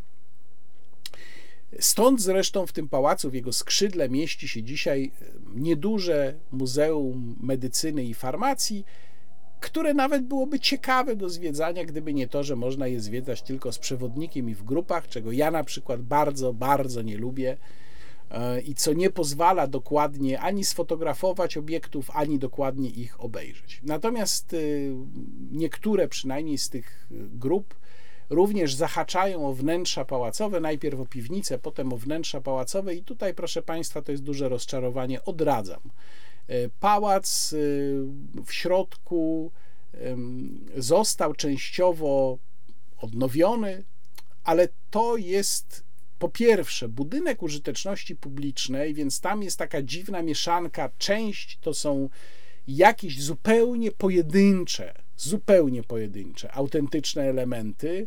Część to jest taka rekonstrukcja na potrzeby właśnie budynku użyteczności publicznej, a część to jest właściwie trudno powiedzieć co. To jest trochę taka mm, komiksowa realizacja, jak sobie ktoś wyobraża, że mogło, mogło wyglądać barokowe wnętrze. Prawdę mówiąc, ja się w ogóle dziwię, że konserwator dał zgodę na coś takiego. Z mojego punktu widzenia wygląda to bardzo słabo. Nie ma tam właściwie nic do oglądania to są zmarnowane pieniądze i zmarnowany czas. Nie ma tam żadnego miejsca, gdzie zgromadzono by jakieś pamiątki po rodzie Branickich. No, mm, jednym słowem, trochę to tak wygląda, jakby wziąć współczesny budynek i na siłę dorobić mu jakieś niby barokowe, bo to też nie jest tak naprawdę nie ma to wyglądu barokowych sztukaterii czy, czy, czy stropów, dorobić mu takie niby barokowe wnętrze i powiedzieć, o proszę bardzo, to jest barokowy pałac. Więc, więc nie, nie. Pałac Branickich, jeżeli w ogóle to z zewnątrz, chociaż też trzeba powiedzieć, że otoczenie zostało bardzo ograniczone, ono kompletnie nie oddaje atmosfery barokowego ogrodu. Ten ogród został bardzo okrojony, zmniejszony. Mm, gdzieś tam w niedalekiej perspektywie widać bloki. No to nie wygląda to dobrze. Krótko mówiąc, budynek, który rzeczywiście kiedyś był perłą, dzisiaj, przynajmniej dla mnie, no jest jednak rozczarowaniem. Ale to nie znaczy, że nie mam dla Państwa czegoś bardzo, bardzo atrakcyjnego z Białego Stoku i to coś bardzo, bardzo atrakcyjnego, ciekawego i ważnego i polecanego przeze mnie zdecydowanie to jest Muzeum Pamięci Sybiru. To jest nowe muzeum. Ono zaczęło być budowane w prawie kompletnie zrujnowanym magazynie kolejowym w roku 2018, a otwarto je, jeżeli się nie mylę, w 2021. Ten magazyn nie został wybrany przypadkiem. Z jego rampy kolejowej odjeżdżali ludzie w latach 40. na zsyłkę do Rosji. Stąd zachowano tam tory, które nazwano torami pamięci. One przechodzą wzdłuż ściany tego budynku. Budynek został też częściowo rozbudowany, ale no teraz jest to bardzo nowoczesne e, wnętrze muzealne i przede wszystkim muszę powiedzieć, że muzeum zostało jak na muzeum narracyjne, tak zwane, wręcz idealnie skomponowane. To się nie zdarza wcale tak często. bardzo wiele razy widziałem sytuację, w której muzeum narracyjne nie zostało dobrze skomponowane i w jakiś sposób przytłacza zwiedzającego mimo swojej y, atrakcyjności, mimo że zgromadzono tam dużo ciekawych opowieści, ale coś zostało, jakaś proporcja została zachwiana. No, pierwszy przykład, który mi przychodzi do głowy, to muzeum, skądinąd bardzo interesujące, Muzeum Emigracji w Gdyni, w dawnym porcie morskim. Natomiast tutaj mamy właściwie idealne proporcje. Przestrzeń, autentyczne obiekty, relacje świadków, pogłębiona wiedza, wszystko to jest w dobrych proporcjach do siebie. Więc tutaj już sukces i gratulacje dla ekipy muzeum. Trzeba powiedzieć, że skąd Sybir w nazwie, Muzeum Pamięci Sybiru, bo Sybir nie jest tym samym co Syberia. Sybir to nie jest nazwa geograficzna. Syberia to jest nazwa geograficzna. Sybir to jest nazwa emocjonalna i historyczna, obejmująca w zasadzie wszystkie miejsca, do których byli zsyłani Polacy, a przecież to miejsca bardzo odległe Kołyma, Kamczatka, Kazachstan. O tym wszystkim można powiedzieć Sybir, używając związku frazeologicznego zesłanie na Sybir. Bardzo ciekawe są zgromadzone tam eksponaty. Duża ich część to są rzeczy, które towarzyszyły zsyłanym w ich podróży i wróciły z nimi do Polski. Mamy tam pod koniec ekspozycji E, na niższym poziomie duży regał wypełniony takimi rzeczami, ale wciąż mający puste gabloty, bo jeżeli ktoś chciałby się podzielić z muzeum swoimi pamiątkami, to muzeum o to prosi, więc nadal mogą to Państwo zrobić.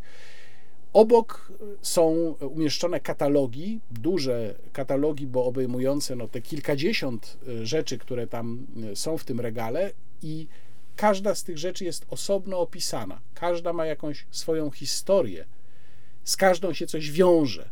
Ona do kogoś należała, w jakichś okolicznościach została zabrana z domu. Ja przeczytałem cały ten katalog, było to niesamowicie ciekawe. Podobnie zresztą jak ciekawe bardzo są krótkie fragmenty relacji e, ludzi wywożonych E, w czasie deportacji, ale krótkie, takie dwu, zdaniowe, które można znaleźć w różnych miejscach, e, głównie w ekranach multimedialnych. Warto to przeczytać.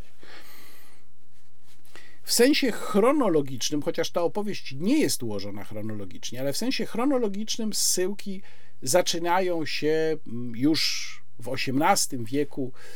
No jeden z takich mm, wielkich zesłanych, najsłynniejszych to biskup Kajetan Sołtyk, jego mm, grup jest w katedrze wawelskiej i można go poznać po tym, że tam postać biskupa jest umieszczona w takim powozie, w takiej karecie, którą był wywieziony na zesłanie. Stąd właśnie taki wizerunek, bo, bo był tym jednym z tych pierwszych, najważniejszych zesłańców, ale zesłania zaczęły się już po mm, Konfederacji Barskiej, no i potem oczywiście każde kolejne powstanie, kościuszkowskie, listopadowe, y, styczniowe, no to była kolejna fala. Bo oczywiście zdarzało się, że ludzie byli zsyłani przez cały czas, ale to były takie największe fale zesłań. No i potem lata 40. Mm, y, bardzo ciekawe są historie ludzi mm, którzy, znanych ludzi, którzy byli zsyłani, no tak jak na przykład historia Piotra Wysockiego, czyli animatora głównego powstania listopadowego, któremu e, car zamienił karę śmierci na 20 lat ciężkich robót po próbie ucieczki Wysockiego skazano na karę tysiąca kijów. To, jeżeli Państwo wiedzą, jak wyglądały te kary kijów wymierzane w carskiej Rosji, wydawałoby się, że tysiąc kijów to jest pewna śmierć, a Wysocki jednak to przeżył. W 1842 roku zezwolono mu na osiedlenie się w Akatui, gdzie otworzył nieźle prosperującą mydlarnię. I to już pokazuje nam, że ten obraz w XIX wieku Sybiru jako miejsca zsyłki nie był zawsze taki czarno-biały, bo on jeszcze wtedy, Wysocki jeszcze wtedy miał status katorżnika, czyli zesłańca, a mógł otworzyć własny interes. Wrócił do kraju w 1857 roku, jak wiadomo, zamieszkał w Warce i pod koniec życia był zawziętym krytykiem powstania styczniowego, w którego powodzenie nie wierzył i miał oczywiście rację.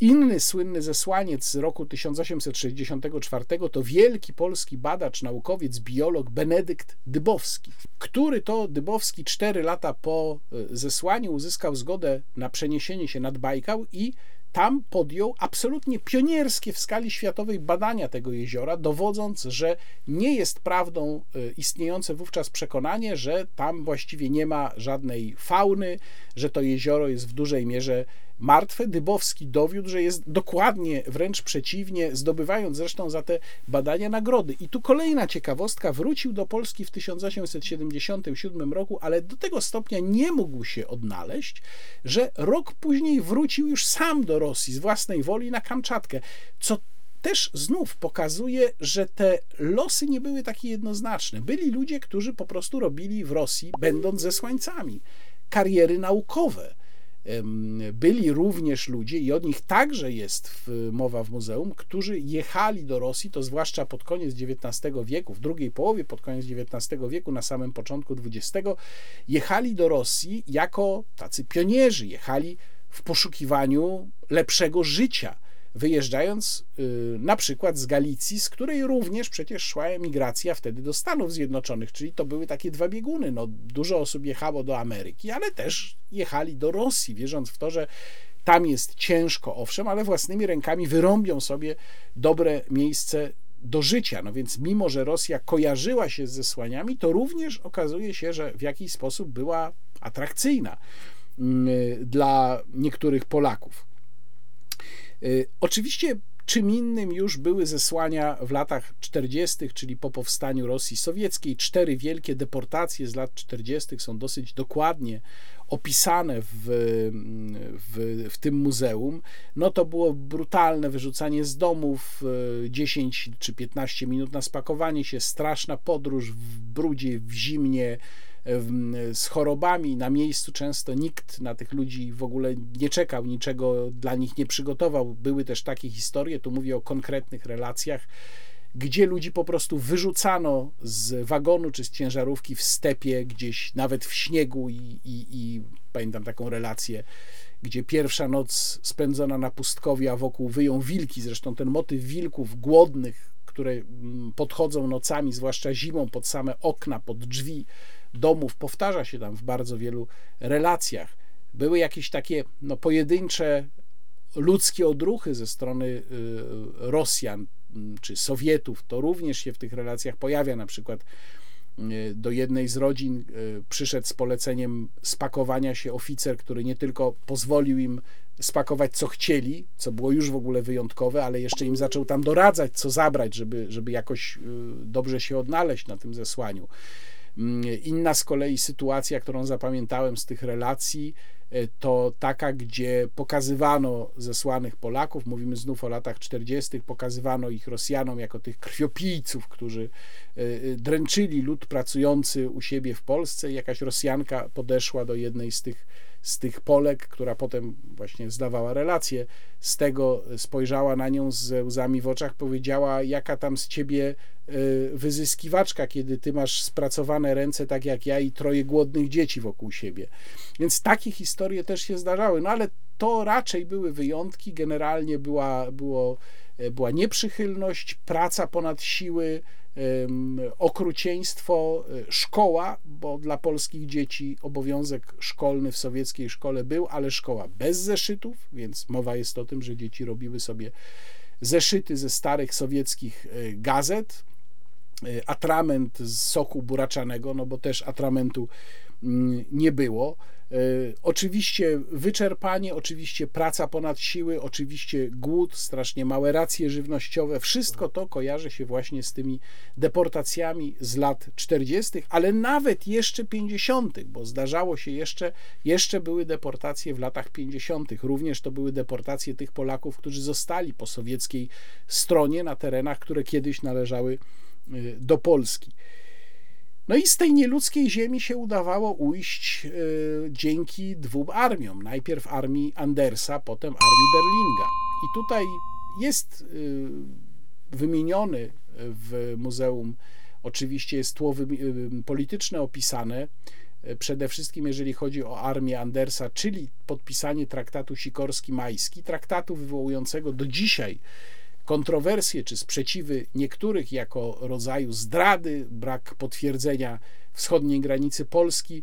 Ja myślę, że kto był w tym muzeum, to nie powinien mieć wątpliwości, że dobrze się stało, że ten traktat został podpisany, bo tu chodziło po prostu o ocalenie ludzi, którzy utkwili na nieludzkiej ziemi, a kwestia granicy i tak wtedy cokolwiek Polska by nie zrobiła, w tym akurat konkretnym momencie, bo ja nie jestem deterministą, jak wiadomo, ale w tym konkretnym momencie podpisanie lub niepodpisanie tego układu nie miało dla polskiej granicy specjalnego znaczenia. Zresztą tak samo pragmatycznie podchodzę do kwestii.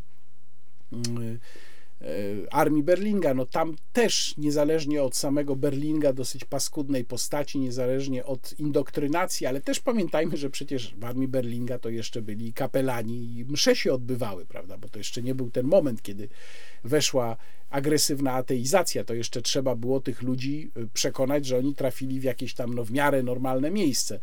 Więc dzięki armii Berlinga też ci, którzy się nie załapali na armię Andersa, no to to, to mieli, jak mieli szczęście, to wyszli z zesłania z armią Berlinga, więc tutaj no też trudno mieć do kogokolwiek mm, pretensje, po prostu uciekli z absolutnie nieludzkich warunków. E, jak na tak młode muzeum, Muzeum Pamięci Sybiru ma imponującą, e, imponujący dorobek wydawniczy. Bardzo polecam sklep muzealny. W tym sklepie muzealnym można kupić naprawdę interesujące książki. Tutaj jest mała wersja katalogu e, wystawy. Jest jeszcze też duża wersja, trochę mniej poręczna i trochę droższa, ale zawierająca więcej opisów eksponatów ja kupiłem jeszcze kilka książek, naprawdę wybór jest bardzo duży. Pierwszy sowiecki łagier, Wyspy Sołowieckie, e, dawny klasztor, to jest jedna z takich książek. Druga, Powroty z Sybiru w XVIII-XX wieku. Wszystkie te pozycje są po polsku i po angielsku. Kolejna książka, Znani Polacy na Syberii w XIX wieku. Wszystko to są wydawnictwa Muzeum Pamięci Sybiru. E, no i wreszcie mm, w Tajdze i w Stepie o deportacjach obywateli polskich w głąb Związku Sowieckiego w latach 1940-1941. Natomiast wybór książek tam w sklepie muzealnym jest o wiele, wiele większy. Na pewno znajdą Państwo coś dla siebie.